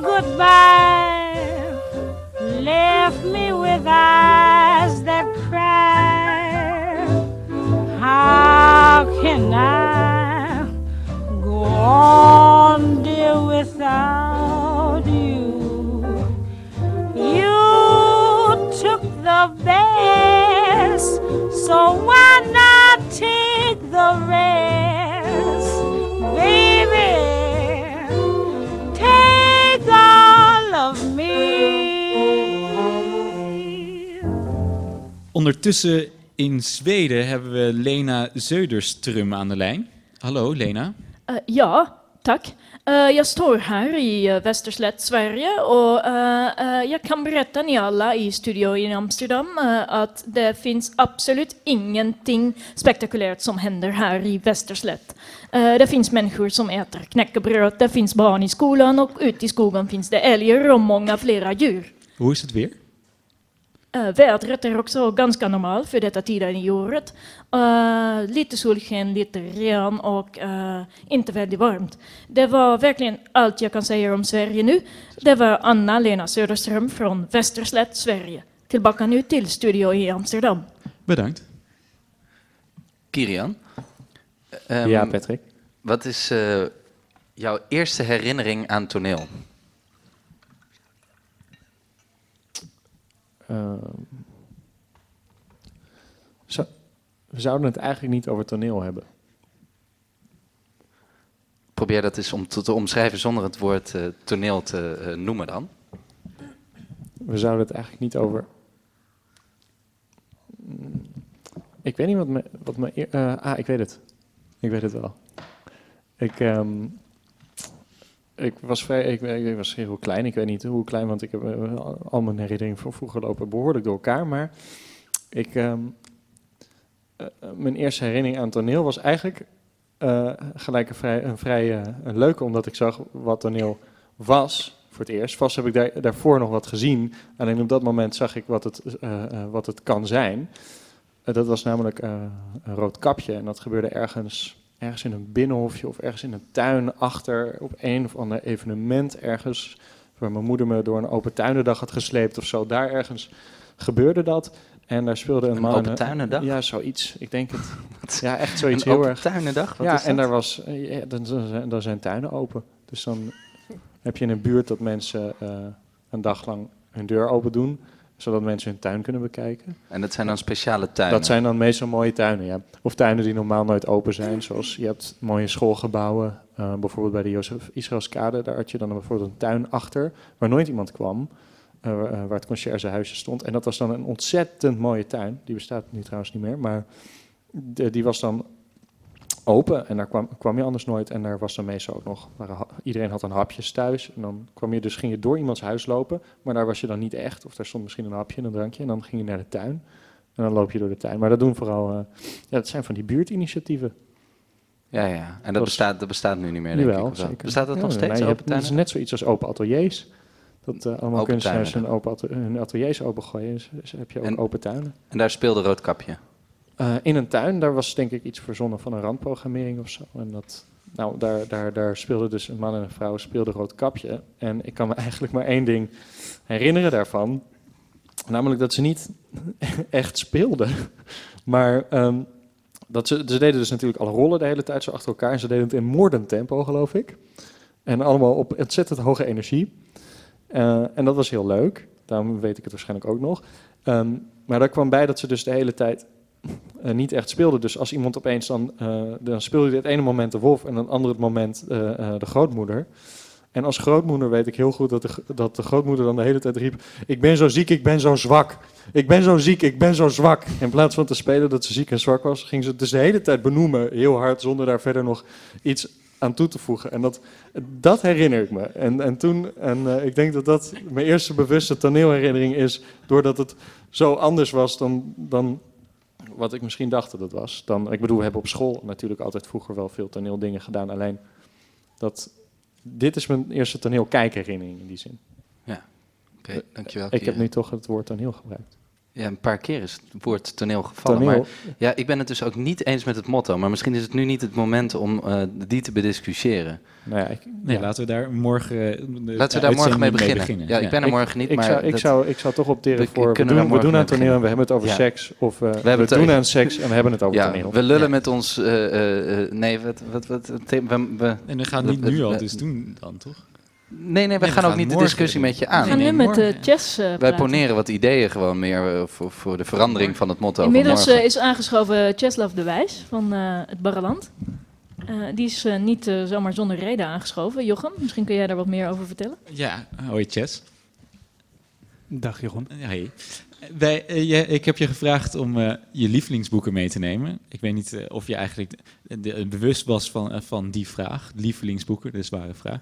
Jawel, maar lievelingsboeken vind ik een beetje een, een, een ro- romantisch begrip. Dus over het algemeen zijn dat gewoon de drie laatste boeken die ik gelezen heb. En dit zijn de laatste drie boeken die je gelezen hebt? Nee, want er waren toch een paar boeken die, die de tijd doorstaan hebben en al wat langer eh, als lievelingsboeken blijkbaar gelden. Of als lievelingsschrijvers eigenlijk meer. Welke drie boeken zijn het die je hebt meegelezen? Eh, een boek van W.G. Sebald, een boek van Thomas Sorry? Pynchon. Sorry, het gaat... Het gaat heel snel. Ja. Nog één keer de eerste? Eh, een boek van W.G. Sebald, een, eh, een, een oorspronkelijk Duitse schrijver die naar Norwich is verhuisd en daar is gaan lesgeven in literatuur. En in 2001 omgekomen is bij een auto-ongeluk. Ehm, En hoe heet dat boek? De Ringen van Saturnus en dan is ondertitel Een Engelse pelg- pelgrimage. Eh, een ander boek is van eh, Thomas Pynchon. Eh, dat is een Engelstalig boek, want hij is nog niet in het Nederlands vertaald. Maar dat is wel de laatste die ik gelezen heb. Bleeding Edge heet dat. En eh, de derde is eh, van Honoré de Balzac, Verloren Illusies. Ah, één daarvan heb ik zelf gelezen, de laatste titel.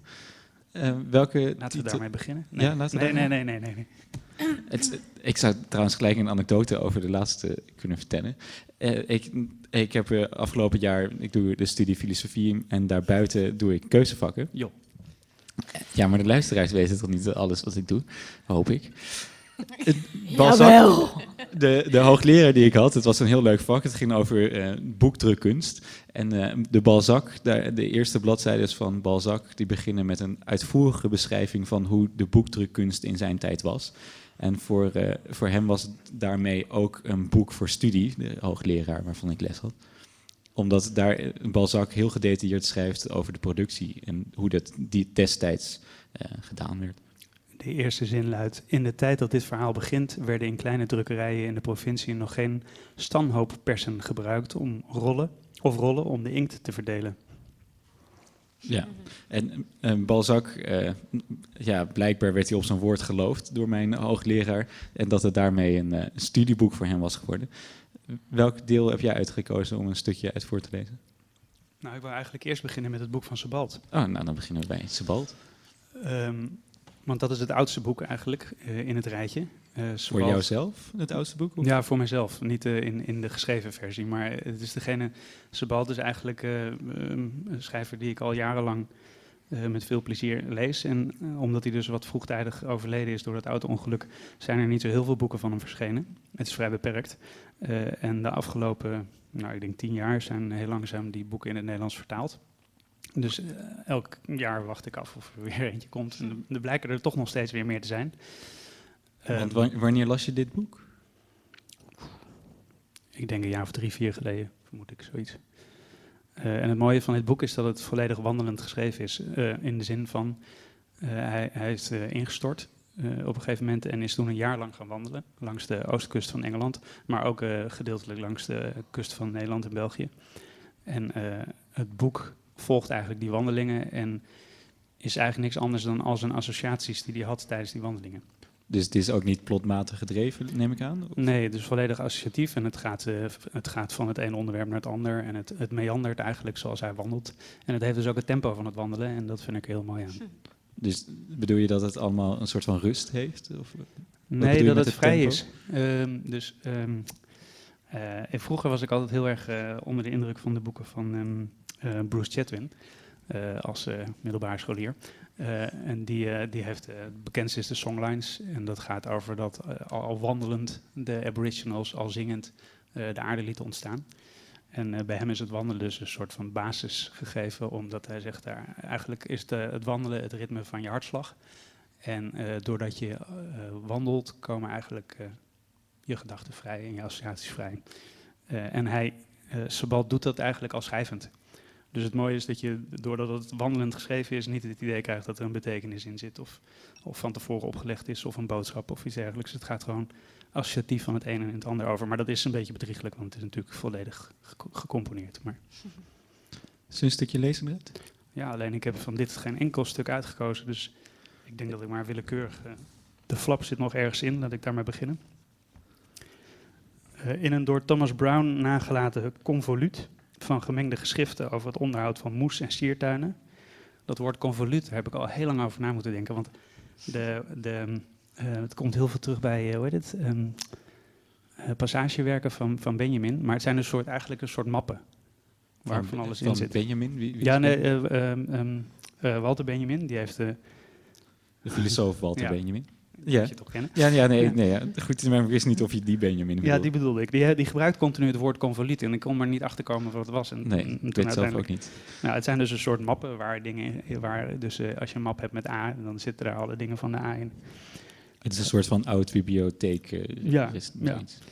In een door Thomas Brown nagelaten convoluut van de gemengde geschriften over het onderhoud van moes- en siertuinen, over het urnenveld bij Brampton, het aanleggen van kunstmatige heuvels en bergen, de door profeten en de heilige evangelisten genoemde planten, het eiland IJsland, de Oud-Saksische taal, de antwoorden van het orakel van Delphi, de door onze verlosser gegeten vissen, de gewoonte van insecten, de valkerij, een geval van ouderdomsvraatzucht en nog veel meer, zich ook, bevindt zich ook een museum clausum or Bibliotheca Abscondita, getitelde cata- catalogus van merkwaardige boeken, afbeeldingen, antiquiteiten en andere zonderlinge zaken, waarvan sommige misschien inderdaad tot een rariteitenverzameling hebben behoord die Brown zelf had aangelegd, maar verreweg de meeste duidelijk deel uitmaakten van een geheel denkbeeldige schatkamer die uitsluitend in zijn hoofd bestond en alleen maar toegankelijk was via de letters op het papier. Dit museum clausum, dat Brown in een kort voorwoord aan een onbekende lezer op één lijn stelt met de in zijn tijd wijd en zijd beroemde natuur- en kunstkabinetten van het Museum Aldrovandi, het Museum Calcol, nog wat, de Casa Abelita en de Rudolf-galerieën in Praag en in Wenen, bevat aan zeldzaam gedrukte en geschreven werken onder meer een traktaat van koning Salomo over de schaduwen van het denken, afkomstig uit het bezit van de hertogen van Beieren, een briefwisseling in het Hebreeuws tussen Moline van Sedan en Maria van Schuurman van Utrecht, de twee meest geleerde vrouwen uit de 17e eeuw, en een compendium van de onderzeese botanica, waarin alles wat op de rotsgebergten en in de dalen van de zeebodem groeit, alle algen, koralen en watervarens, volledig zijn beschreven en afgebeeld, evenals alle nooit eerder door iemand aanschouwde, door warme golfstromen overspoelde struiken en met de passaatwinten van continent naar continent drijvende planteneilanden. Verder bevat de fantasiebibliotheek van Brown een fragment van een door Strabo geciteerd verslag van de wereldreiziger Pytheas van Marseille, waarin staat dat de lucht in het hoge noorden voorbij het Thule van een dichtheid is die op een geleiachtige kwallen en polypen lijkt en alle adem verstikt. En tevens een verdwenen poëem van Ovidius, Ovidius Naso, written in the Gettic language during his exile in Tomos, dat in een gewassen doek gewikkeld in Sabaria aan de grens van Hongarije was ontdekt. Dus precies daar waar Ovidius volgens de overlevering was gestorven bij zijn terugkeer van de Zwarte Zee. Het zij na gratieverlening, het zij na de dood van Augustus. Ja, nu ik het zou lezen, doet het me eigenlijk aan een heel andere schrijver denken. Doet me- dit doet me eigenlijk heel erg aan Perec denken, omdat het zo'n continue eh, opsomming is van allerlei dingen. En, maar bij Perec zou het allemaal verzonnen zijn. En het leuke bij, eh bij Sebald is dat het allemaal echt is. Dus die bibliotheek van Thomas Brown is ook werkelijk. En dat is een hele mooie verzameling eigenlijk van allerlei aangelegde Allerlei geschriften. Ja, maar, maar het leuke is dat bij, bij eh, ehm, Brown is het zowel verzonnen als echt. Dus je krijgt een heleboel boeklijsten waarvan je denkt, van, hé, maar dat kan niet waar zijn. Dat is dan ook niet waar. En andere dingen weer wel. Maar bij Sebald zelf is wel alles waar. Alleen wat hier helemaal niet in zit, is eh, in dit fragment, wat ik heel mooi vind aan hem, is dat er een enorme melancholie en eh, gevoeligheid eigenlijk eh, door zijn hele werk heen zit. Maar dan stel ik voor dat we nog een keer het boek openslaan en zien waar we, waar we terechtkomen. Oké.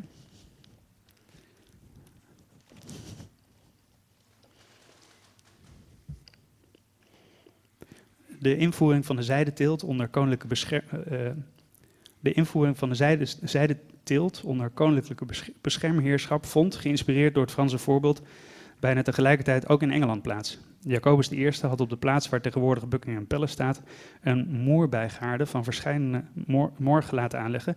Heb je wel eens een moerbijboom gezien? Nee, wel gegeten, een moerbij. Eh, Lekker, nee, een moeraardbei, zeg maar? Of, Nee, moerbij, een soort hele grote braam is het. Nou, Die aan de bomen jam. groeien. De jam heb ik wel. Nou, ik ken de vrucht Hij vraagt wel. of je de bomen gezien hebt. Nee, de bomen, die heb ik niet gezien, nee. We weten ook wel, maar niet bewust. Jacobus I had op de plaats waar tegenwoordig Buckingham Palace staat een moerbijgaarde van verschillende morgen laten aanleggen. En op Theobalds, zijn lievelingslandgoed in Ex- Essex, had hij een eigen broedhuis waarin hij rupsen kweekte. Zo groot was Jacobus' belangstelling voor deze ijverige schepsels dat hij uren bezig was hun leefgewoonte en behoeften te bestuderen. En dat hij zelfs op de reizen die hij door zijn rijk maakte altijd een grote, door een speciale kamerdienaar verzorgde kist vol koninklijke zijderupsen bij zich had. Ruim 100.000 moerbijbomen liet Ja- Jacobus in de tamelijk regenarme Oost-Engelse graafschappen planten. En met deze en andere maatregelen legde hij het fundament voor een belangrijke tak van manufactuur, waarvan de bloeitijd begon in de eerste jaren van de 18e eeuw, toen er na de opheffing van het edict van Nantes door Lodewijk XIV meer dan 50.000 hugenoten vluchtelingen naar Engeland kwamen. Vele van hen bedreven in het kweken van zijderupsen en het vervaardigen van zijdestoffen, ambachtslieden en ondernemingsfamilies als Lefebvre en de Tilletets en de, de, de Heeks en de Martineaus en de Colombines vestigden zich in Norwich, in die, tijd, na in die tijd na Londen de grootste Engelse stad, waar sinds het begin van de 16e eeuw al een tegen de 5000 zielen tellende kolonie van geïmmigreerde Vlaamse en Waalse wevers woonde. Tegen 1750, nauwelijks twee generaties later, waren de hugenoten de meeste wevers van Norwich opgeklommen tot de meest welvarende, invloedrijke en ontwikkelde ondernemersklasse in het hele koninkrijk. In hun bedrijven en die van hun toeleveranciers heerste dag in dag uit de grootste mogelijke bedrijvigheid. En wanneer in die tijd, zoals ik onlangs in een beschrijving van de geschiedenis der zijdemanufacturier in Engeland, een reiziger bij het vallen van de winteravond uit de, verre, de verte Norwich zag liggen onder een inktzwarte hemel, dan verwonderde hij zich over de glans die boven de stad hing van het s'avonds laat nog uit de lichtbeukramen van de werkplaats komende licht. De toename van het licht en de toename van de arbeid, dat zijn immers ontwikkelingslijnen die parallel lopen. En wanneer ik nu, nu onze blik niet meer door de vale weerschijn boven de stad en haar omgeving heen kan dringen, terugdenk aan de 18e eeuw, dan verbaast het mij hoeveel mensen er, in elk geval op veel plaatsen, al voor de industrialisatie, bijna levenslang met hun arme lichaam zaten ingespannen in de uit houten ramen en lijsten samengestelde, met gewichten behangen en aan martelrekken of kooien her- herinnerende weefstoelen, in een eigenaardige symbiose die misschien juist door haar betrekkelijk primitiviteit beter dan welke latere ontwikkeling van onze industrie ook duidelijk, en nu zijn er allemaal plaatjes, die moet ik even doorslaan, duidelijk maakt dat wij ons alleen op aarde kunnen handhaven binnen het tuig van de door ons bedachte machines. Dat daardoor vooral de wevers en de met hen in menig opzicht vergelijkbaar geleerden en andere schrijvers tot melancholie en alle daaruit voortkomende kwalen neigden, zoals valt na te lezen in het Magazin für Erfahrungsseelenkunde, dat ongeveer in die tijd in Duitsland werd gepubliceerd, is vanzelfsprekend bij werk dat je dwingt om voortdurend krom te zitten, één stuk door scherp na te denken en eindeloos te schaven aan omslachtige, kunstmatige patronen. Ik denk dat men zich niet gemakkelijk kan voorstellen in welke uitzichtloosheden en afgronden je soms terechtkomt door het eeuwige gepieker dat ook in de zogenaamde vrije tijd niet ophoudt, door het tot in je dromen doordringende gevoel dat je de verkeerde draad te pakken hebt. Maar de keerzijde van de geestesziekte der wevers is, en ook dat verdient hier vermelding, dat veel van de decennia voor het uitbreken van de industriële revolutie in de, in de manu- manufacturen van Norwich vervaardigde stoffen van een waarlijk fantastische verschijnheid waren en van een licht, chargerende, nauwelijks te verwoorden schoonheid, alsof ze door de natuur zelf waren geschapen, zoals het verenkleed van vogels. Dat zijn in elk geval vaak mijn gedachten wanneer, wanneer ik sta te kijken naar de prachtige kleurstrookjes, met daarnaast en ertussen de geheimzinnige cijfers en tekens in de stalen boeken in de vitrines van het kleine museum Strangers Hall, dat eens het stadhuis van zo'n uit Frankrijk verbannen zijdeweversfamilie is geweest. Je zou het boek dus bijna kunnen lezen ook als een soort van roadtrip of een toeristenboek, goed toeristenboek. Wa- waarin, die, waarin die dingen tegenkomt en daar zijn associaties op laat gaan. En Ja, maar dat zou een beetje, ehm, eh, dat zou een beetje tekort doen aan de, de, de toon die hij pakt en uiteindelijk zijn fascinatie voor het feit dat alles door vuur vernietigd wordt. En ook dit, dit verhaal, wat dus begint als eigenlijk een heel informatief en bijna historisch verhaal, en waarbij je ook zijn stem in eerste instantie niet hoort, wordt langzamerhand steeds melancholischer en eindigt in de totale vernietiging van die hele industrie. eh, door een enorme brand die onder die wevers uitbracht. Dus dat, dat, brak, dat soort, dat soort eh, bewegingen die natuurlijk hele lange tijd nodig hebben. Daarom is het een beetje moeilijk om er zo in één fragment eigenlijk eh, eh, iets van te voelen. Want eigenlijk moet je die hele wandeling meemaken om in datzelfde ritme te komen. En dan ook Ja, zo ja. eh, dwalende, al dwalende. Is het een goed boek om te lezen als je zelf eh, op reis bent? Aan het wandelen? Ik vind het altijd een goed boek. Oké, je, je hebt dat niet nodig erbij. dat, dat wandelen. De, ik word via de techniek wordt ik iets gevraagd. Oh, de techniek wil graag een liedje afspelen. Maar ik wou nog één, één ding over dit, eh, over dit boek vragen. Want Mhm. Dat wandelen, en dat is waarschijnlijk ook zo'n romantisch idee, maar dat, dat zie je vaak terug bij, eh, bij schrijvers. Ik, ik zag een eh, documentaire over. Van wie hebben we? Judith Hetsberg heeft laatst een toneelstuk vertaald. Wie was dat? Van welke schrijver was dat ook weer? Iemand uit de zaal? Ik weet niet Lars waar- van Ricky. Ik zag een documentaire over Grossman, Groosman. En die zei dat hij alleen maar kon schrijven als hij wandelde. En hij liep door zijn tuin heen. En daar, daardoor kon hij op ideeën komen voor zijn boek. En hij deed, hij deed in de documentaire alsof, alsof hij hele citaten verzon in, in, zijn hoofd. En dat ver- vervolgens eh, neerzette op papier. Ben, ben je met me eens dat dat, dat, dat wandelen iets... Nou ja, ik doe het ook zo. Wat, doe je ook zo? Als ik eh, teksten moet verzinnen voor op het toneel of, eh, of improvisatie moet voorbereiden, dan ga ik ook wandelen. En dan tijdens het wandelen komen er een soort van zin in mijn hoofd en die probeer ik eh, te reproduceren. Maar ook zo letterlijk dat je dus letterlijk een citaat opbouwt tijdens je wandeling en die Ja, opschrijft. een hele dialoog. Meestal verzin ik ook wel het antwoord van die ander, alleen dat blijkt niet helemaal te kloppen over het algemeen. Want die wil daar niet, zich niet aan houden. Die was niet mee op die wandeling. Precies. Aha. Dan eh, gaan we nu even naar wat muziek luisteren.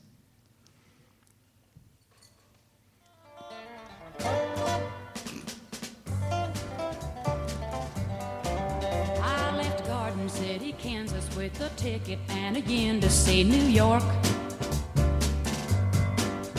I type 80 words a minute, so your corporation let me go to work. I fetch paper clips and coffee, even dodge your domineering wife. Mr. Walker, it's all over. I don't like the New York secretary's life. In this building, there's a crowd of guys with old familiar thoughts upon their minds. That's a lot of hands oh, reaching out to grab the things that I consider mine. President pursues me even though he's old and hair a turning white. Mr. Walker, it's all over. I don't like the New York secretary's life. There's a flat in Greenwich Village that I took because the subway wasn't far. But a trumpet player's upstairs and below me there's a jumping all night bar. Bitter cake, I have to share the place with bugs and big old mice. Mr. Walker, it's all over. I don't like the New York secretary's life.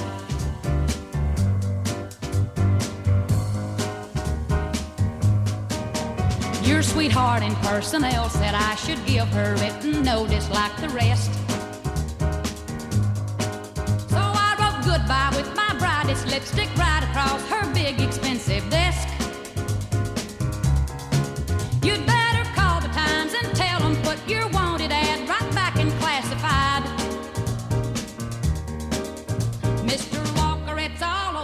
I don't like the New York secretary's life. There's a greyhound at the station and a mom at home with open arms for me. Garden City's looking better every minute now since I have learned to see. And the boy next door don't know it, but come June he's gonna gain himself a wife.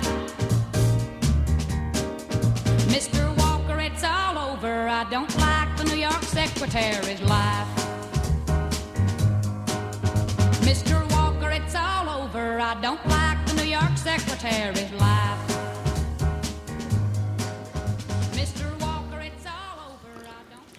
Op een teken van Lousteau pakte de orkestbode een sleuteltje en opende een geheim deurtje in een grote muur. Lucien volgde zijn vriend en stapte van de verlichte gang opeens in het zwarte gat dat in bijna alle schouwburgen de verbinding tussen zaal en de coulissen vormt. Daarna besteeg de dichter uit de provincie enkele vochtige treden en kwam hij uit achter het toneelscherm waar hem het merkwaardigste schouwspel wachtte. De smalheid van de stutten, de hoogte van het theater, de lampjes aan de ladders, de van dichtbij gezien zo lelijke versieringen, de geschminkte toneelspelers, hun zo wonderlijke en van zulke grove stoffen gemaakte kostuums, de toneelknechten met hun vettige jasjes, de neerhangende touwen, de regisseur die met zijn hoed op zijn hoofd heen en weer liep, de her en der zittende figuranten, de tot op de grond hangende achterdoeken, de brandweerlieden.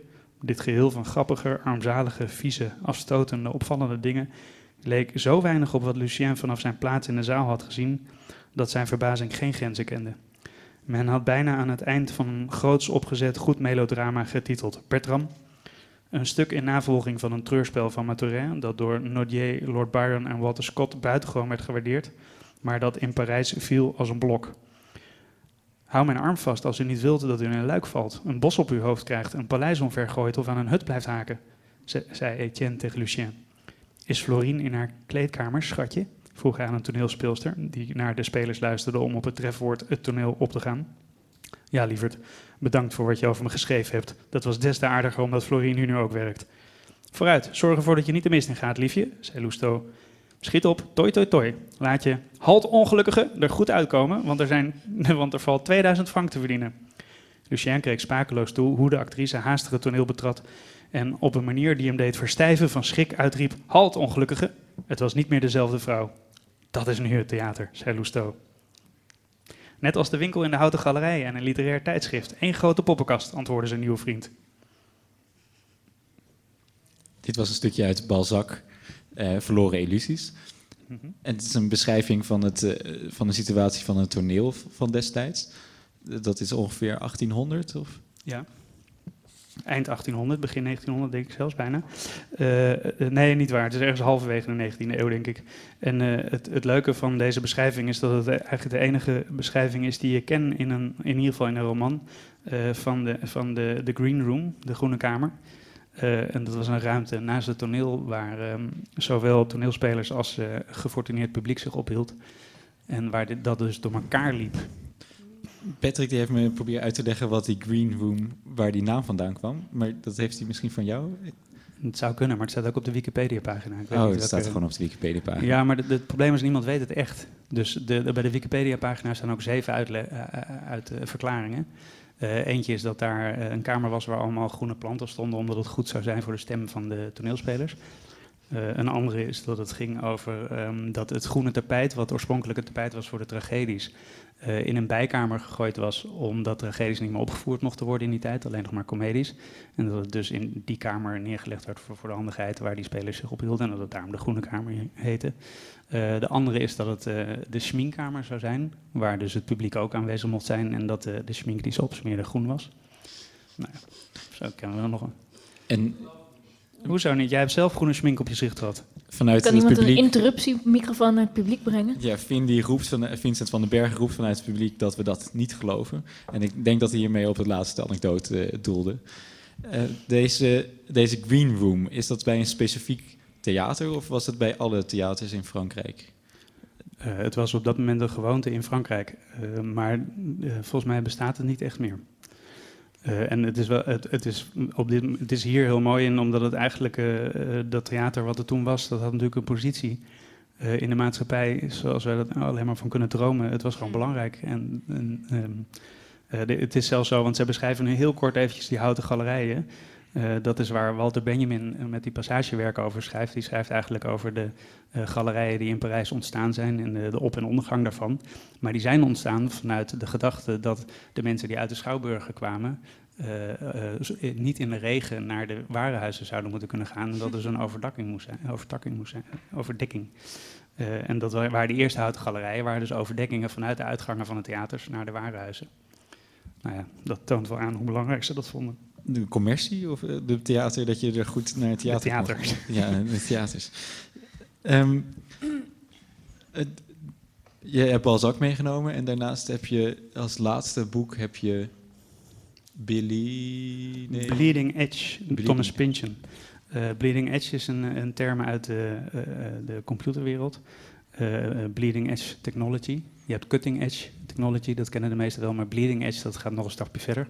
Cut- Dan cutting edge is eh, een soort van snelheid van snijden? Nee, nee, cutting edge, dat betekent dat je echt op de rand zit van de, van het, dat je dus heel, dat je op de rand van de ontwikkelingen zit. Dus helemaal vooraan loopt. Oh, cutting- zo, cutting maar bleeding edge is dat je bij wijze van spreken zelfs je leven op het spel zet om te proberen om een, om, ik denk eigenlijk wel de pioniers die naar het westen gingen in Amerika, dat waren wel een soort van bleeding edge mensen. Ehm, Thomas Pynchon is eigenlijk al een schrijver eh, vanuit de jaren 70. Hij is beroemd geworden met eh, Rainbow's Gravity. Daar heeft hij volgens mij zelfs een, een prijs voor gekregen. Ehm, eh, maar daarna is er heel lang niks meer van hem verschenen. En niemand wist eigenlijk wie het was. Dat weten ze nog steeds niet. Het is ja, onmogelijk, maar, maar toch echt zo. Ehm, en ja, ik, het is een soort eh, super intellectuele pulp. Maar ik hou er wel intens van.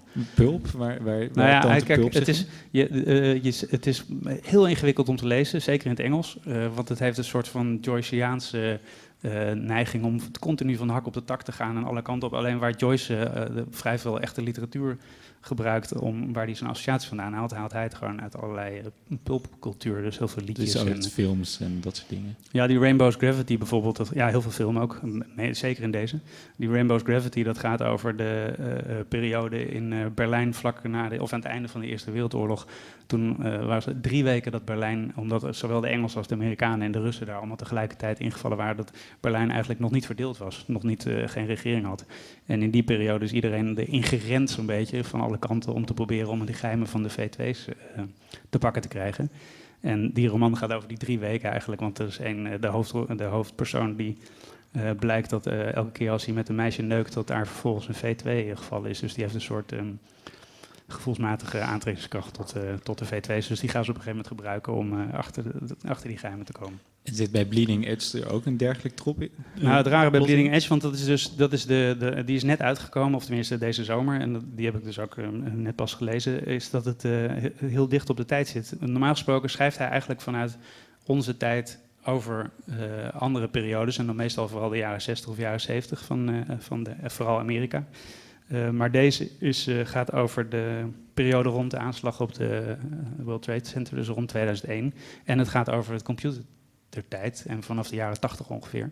Eh, dus dat is gewoon mijn jeugd. En het rare is dat ik nu opeens alle associaties bij die ik bij die, al die andere boeken allemaal niet, niet kende of niet wist, die ken ik nu allemaal. En dat maakt het heel anders om te lezen. Ja, ik probeerde een bruggetje te slaan naar het Je eerste wordt boek. oud, bedoel je? Nee, dat bedoel ik helemaal niet. Ik bedoel dat, dat op het moment dat je, dat je eh, weet wat de referenties zijn, krijgen ze een hele andere werking. Want dan snap je opeens de, de, de, de, de symboliek en zo. En ik vind het dus ook, het voelt als een beetje iets te snel geschreven, eh, voor zijn doen vrij simplistisch boek. Maar misschien is dat omdat die referenties gewoon wat duidelijker zijn voor mij. En ik het dus wat beter kan plaatsen. Hm, Dan zou je het misschien eens een keer met iemand die eh, van een andere generatie is moeten hebben over zijn, zijn andere boeken. Om te kijken of die dat ook ervaart. Ja, dat of die dat zijn. verschil ervaart. Ja, of, of wij zouden het moeten lezen, dit boek. En wij hebben waarschijnlijk toch die tijd iets minder. Nou, ik denk dat jullie nog behoorlijk dicht in de buurt komen. Nee, maar eh, ja, nou, het is ja, 2001. was- 2001. Ja, ja, ja. Ja, en dat is 14 jaar geleden. Toen was ik... Ik ben 23, was ik 9. Weet je nog wel wat je deed toen? Eh, nou, ik weet wel... de- ja, dat is natuurlijk... eh, iedereen heeft daar wel een herinnering aan. Eh, Ik dacht dat het een film En was. dan heb je het meegemaakt, toch? Ja? Eh, ja, maar ik dacht dat het een film was. Ik, eh, ik kwam met een vriendje thuis en vervolgens za- zag ik mijn vader kijken naar de tv en toen zat hij, eh, zat, zat hij dat te kijken en hij vol onder indruk en helemaal stil. En wij keken ernaar en dachten, oh, hij is een film aan het kijken. En vervolgens zei ik ook, wat is dit voor een film? En dat nam hij me echt heel erg kwalijk dat ik die zin zei. Dat zo is mijn herinnering. Nou, dat of... sluit wel onwaarschijnlijk goed bij het fragment aan, dus ik ga het toch maar voorlezen, hoewel ik eh, bedacht had om dat iets later te doen in het gesprek. Maar ehm, het is in het Engels, dus eh, dat is een tikje moeilijk misschien voor mij om voor te lezen. Eh, maar ik ga het gewoon proberen. Het is dus naar aanleiding van, van de, dit ook wat, wat ze zegt, naar aanleiding van dat. Van het zien van een bepaalde situatie? Nee, van het, van het instorten van het World Trade Center. Eh, normaal gesproken heb ik een hekel aan als dat het, eh, het onderwerp van het boek is, maar op deze, in dit geval werkt het best wel goed. Eh, Heidi has dan been moet ik je working... toch nog even onderbreken. Heb je, Ja hoor. eh, eh, je hebt een hekel aan als het boek zo dicht bij de realiteit staat? Ja. En dus eh, het onderwerp, het World Trade Center instorten, dat is eigenlijk een taboe bijna voor. Ja, maar dat gaat om dat het over het algemeen leidt tot heel veel clichés. Maar je hebt net beschreven dat dit ook een soort van pulp. Of eh, zijn die pulp dan niet per se clichés? Eh, pulp, pulp aan zich kan clichématig zijn, maar dat hoeft het natuurlijk niet. Nou, voor mij is het directe associatie pulp en clichés. Maar Star Trek, dat is toch geen, geen, geen cliché? Dat is wel pulp. Of eh, weet ik veel. Eh Rizzoli en Aals. Eh, Scott en. Bailey. Ja, dat ken ik allebei niet. Star Wars, eh, zover kwam ik wel. Maar bij Star Wars zou ik zo kunnen zeggen dat het misschien wel clichés is. Er zijn toch allemaal beschrijvingen van dat, hoe het plot gedreven is, dat dat eigenlijk Romeinse tragedies zijn? Of Ja, op zich wel. Alleen tegelijkertijd, omdat ze natuurlijk zoveel series hebben kunnen maken, halen ze er ook wel vrij experimentele trucs uit. Dus ik heb een keer naar een serie zitten kijken van Star Trek, waarbij gewoon tien keer achter elkaar dezelfde scène gespeeld werd. Ja, dat had ik nog dat nooit is die gezien. waar ze in een tijdloop zitten, toch? Ja, ze, zitten, Eh, ze is zijn een fantastisch. morfologische Ja. vlo- eh, wolk ingevlogen en dan, en dan komen ze terug in de tijd elke keer. Dus ze spelen ze elke keer dezelfde kaartscène. Ja, dat is wel. Dat- Ja, dat is toch, dat is toch niet clichématig. Nee, dat is niet echt cliché. Oké, ik ga het, Het gewoon fragment. proberen. Uh, Heidi has been working on an article for the Journal of Memspace Cartography. She's calling Het- Heteronormative Rising Star, Homophobic Dark Companion. Which, zo heet het artikel dus, hè? Which argues that irony, assumed to be a key element of urban gay humor and popular through the 90s, has now become another collateral causality of 11 September because somehow it did not keep the tragedy from happening. As if somehow irony, she recaps for Maxine, Maxine is de hoofdrolpersoon, as practiced by a giggling, mincing fifth column, actually brought on the events of 11 September by keeping the country insufficiently serious, weakening its grip on reality. So all kinds of make-believe, forget the delusional state the country is in already, must suffer as well. Everything has to be literal now. Yeah, the kids are even getting it at the school. Miss Chung, an English teacher who, if Google Blitz, that is a school, where a town would be the neighborhood scold, has announced that there shall be no more fictional reading assignments. Oh, Otis is terrified, Ziggy less so. Maxime will walk in on, the, on them watching Rugrats or reruns of Rocco's Modern Life, and they holler by reflex, Don't tell Miss Chung! You notice, Heidi continues, how reality programming is suddenly all over the cable like dog shit. Of course, it's so producers shouldn't have to pay real actors skill. But wait, there's more. Somebody needs this nation of starers believing they're all wised up at last, hardened and hip to the human condition, freed from the fictions that led them so astray as if paying attention to made up lives was some form of evil drug abuse that the collapse of the towers cured by scaring everybody straight again. What's that going on in the other room, by the way? Eh, ik ga hier stoppen, want veel verder komt toch niet. Wat ik hier heel mooi aan vind, is ehm, eh, dat hij eigenlijk stelt dat misschien wel een, eh, een, een, een, een, een zijde- eh, zij-effect van eh, ehm, de ineenstorting eh, is dat mensen de, ehm, terugverlangen naar een soort realiteit en de fictie niet meer vertrouwen. Omdat hij zegt, het lijkt wel alsof ze zichzelf zo lang in aan de fictie hebben overgegeven, dat ze zichzelf in slaap hebben gemaakt daarmee en eigenlijk daardoor zelf schuld zijn aan het feit dat die ramp kon gebeuren. En dat ze daarom eigenlijk continu eh, alles steeds letterlijker en dingen willen alsof ze dus een grip op de realiteit kunnen moeten weer terugkrijgen en vasthouden. En dat je dus zelfs op school geen fictie meer mag lezen, maar alleen maar documentaire materiaal. En op dit- televisie dit eigenlijk alleen maar. van 11 september? Ja, dat wordt hier kort gesuggereerd Ja, ja. dat dat misschien wel daarmee te maken heeft. En dat idee van dat je jezelf moet straffen omdat je jezelf te veel overgegeven hebt aan. eh, of in slaap bent gevallen ergens. Wat volgens mij vanmiddag ook al eh, aan de orde kwam bij Mark Timmer. Eh, dat, is, eh, dat, dat is een rare soort van zelfkwelling die ik niet zo goed begrijp. Want jij zou, hoe zou jij analyseren eh, wat ik beschreef? Dat ik, dat ik het als nou, een dat film... vond ik zo leuk. Dat het dus, jij draaide hem weer om. Jij zag zelfs de realiteit gewoon weer als een fictie. Ja, maar als ik het zelf zou analyseren waarom dat zo is, is dat je, je ziet een zo'n grote gebeurtenis op tv en dat zijn beelden die in de film getoond worden. Ja, dan is toch de, de eerste, eerste idee is gewoon, oh, dit is niet werkelijk. Of, eh, Ja, alleen dat- dat idee is toch niet per se, want, want dat wordt een beetje soms gesuggereerd alsof het feit dat je dat niet meer uit elkaar houden ook heeft mogelijk gemaakt dat het kon gebeuren. Nee, ja, nee ik, ik hou het ook niet vol, dat, dat, dat argument. Dus, eh, Nee, want dat is. eh, en en, de, en ik ben, ben me wel afgevraagd waardoor de laatste tijd gewoon zo enorm veel nadruk op, eh, op, op realiteit en op eh, inderdaad eh, allemaal series die in real life moeten zijn of zoiets dergelijks, waar dat uit ontstaan is. En dit is een bijgedachte eigenlijk, want het boek gaat over hele andere dingen. Maar ik dacht opeens, hé, hey, die worden toch ook wel Wanneer mooi was de beschreven. eerste Big Brother uitzending? Was dat ook daarna? Ja, vrij, vrij kort daarna in verhouding. Maar is het niet, als je, kan je dan niet breder trekken dat sowieso de literatuur en de beeldende kunst. Nou, ik wou zeggen dat die misschien een beweging naar dichter bij de realiteit hebben gemaakt. Maar aan de andere kant denk ik, na de fotografie heeft de beeldende kunst juist een hele andere wending genomen. Ja, maar dat gevoel dat je de hele tijd alert mag zijn en je daarom niet, niet mag verdwalen in een soort van fictie of, eh, of de dingen waar je van houdt, dat vind ik een vrij beangstigend eh, beeld. Ja. Ja, ja, nee, maar ja. Maar het, maar het gaat toch denk ik waarschijnlijk in die discussies over een soort van afleiding of zo. Dat je dus. En daar, en daar ik denk niet dat je dat zal ontkennen dat de fictie afleiding biedt of zo. Ja, en die is toch mega noodzakelijk. Zonder Ja. dat zou er, nou ja. Ja. Dan komen we toch op het einde eh, van het gesprek komen we helemaal uit op eh, een filosofie en. eh, Ja, nou, op zich is dat niet zo raar, want, want Pynchon is zijn, zijn basisidee is eigenlijk... Hij was enorm gefascineerd door de tweede wet van de thermodynamica en eh, entropie. Dat komt ongeveer overal in zijn, in zijn werk terug. Dus hij heeft ook het idee dat het systeem langzaam uit elkaar valt. Ja, laten we het met die woorden dit gesprek afsluiten. Ja, of vind je dat heel pathetisch? Nee hoor. Bedankt, Jessel.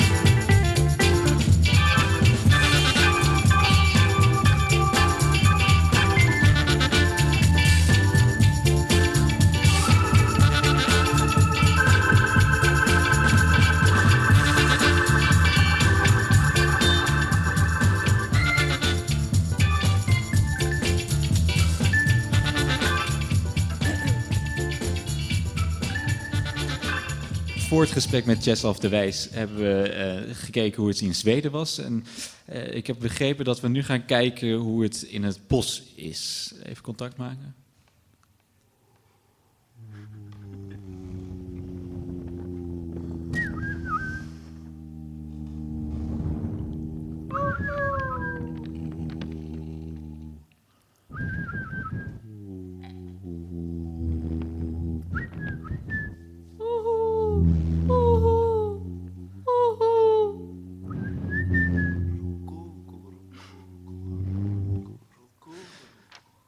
Tot zover eh, eh, de geluiden uit het bos. Eh, dit was Radio de Richel. Morgen zijn we er weer vanaf 7 uur. Bedankt voor het luisteren.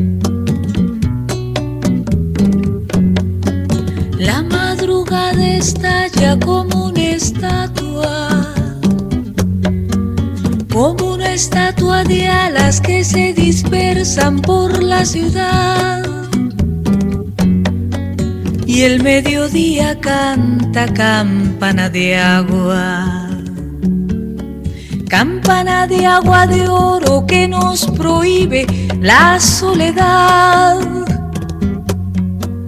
Y la noche levanta su copa larga, su larga copa larga, luna temprana por sobre el mar.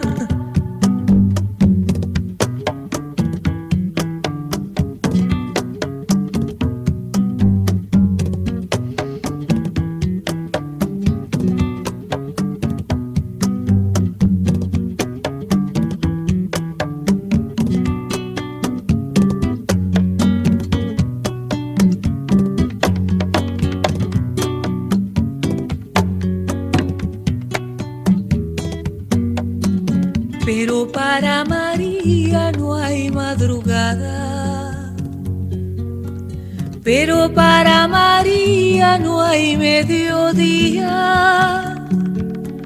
Pero para María ninguna luna alza su copa roja sobre las aguas. María no tiene tiempo, María Lando, de alzar los ojos. María de alzar los ojos, María Lando, rotos de sueño. De sueño, María Lando, de andar sufriendo. María de andar sufriendo, María Lando, solo trabaja. María solo trabaja, solo trabaja, solo trabaja. María solo trabaja y su trabajo es ajeno.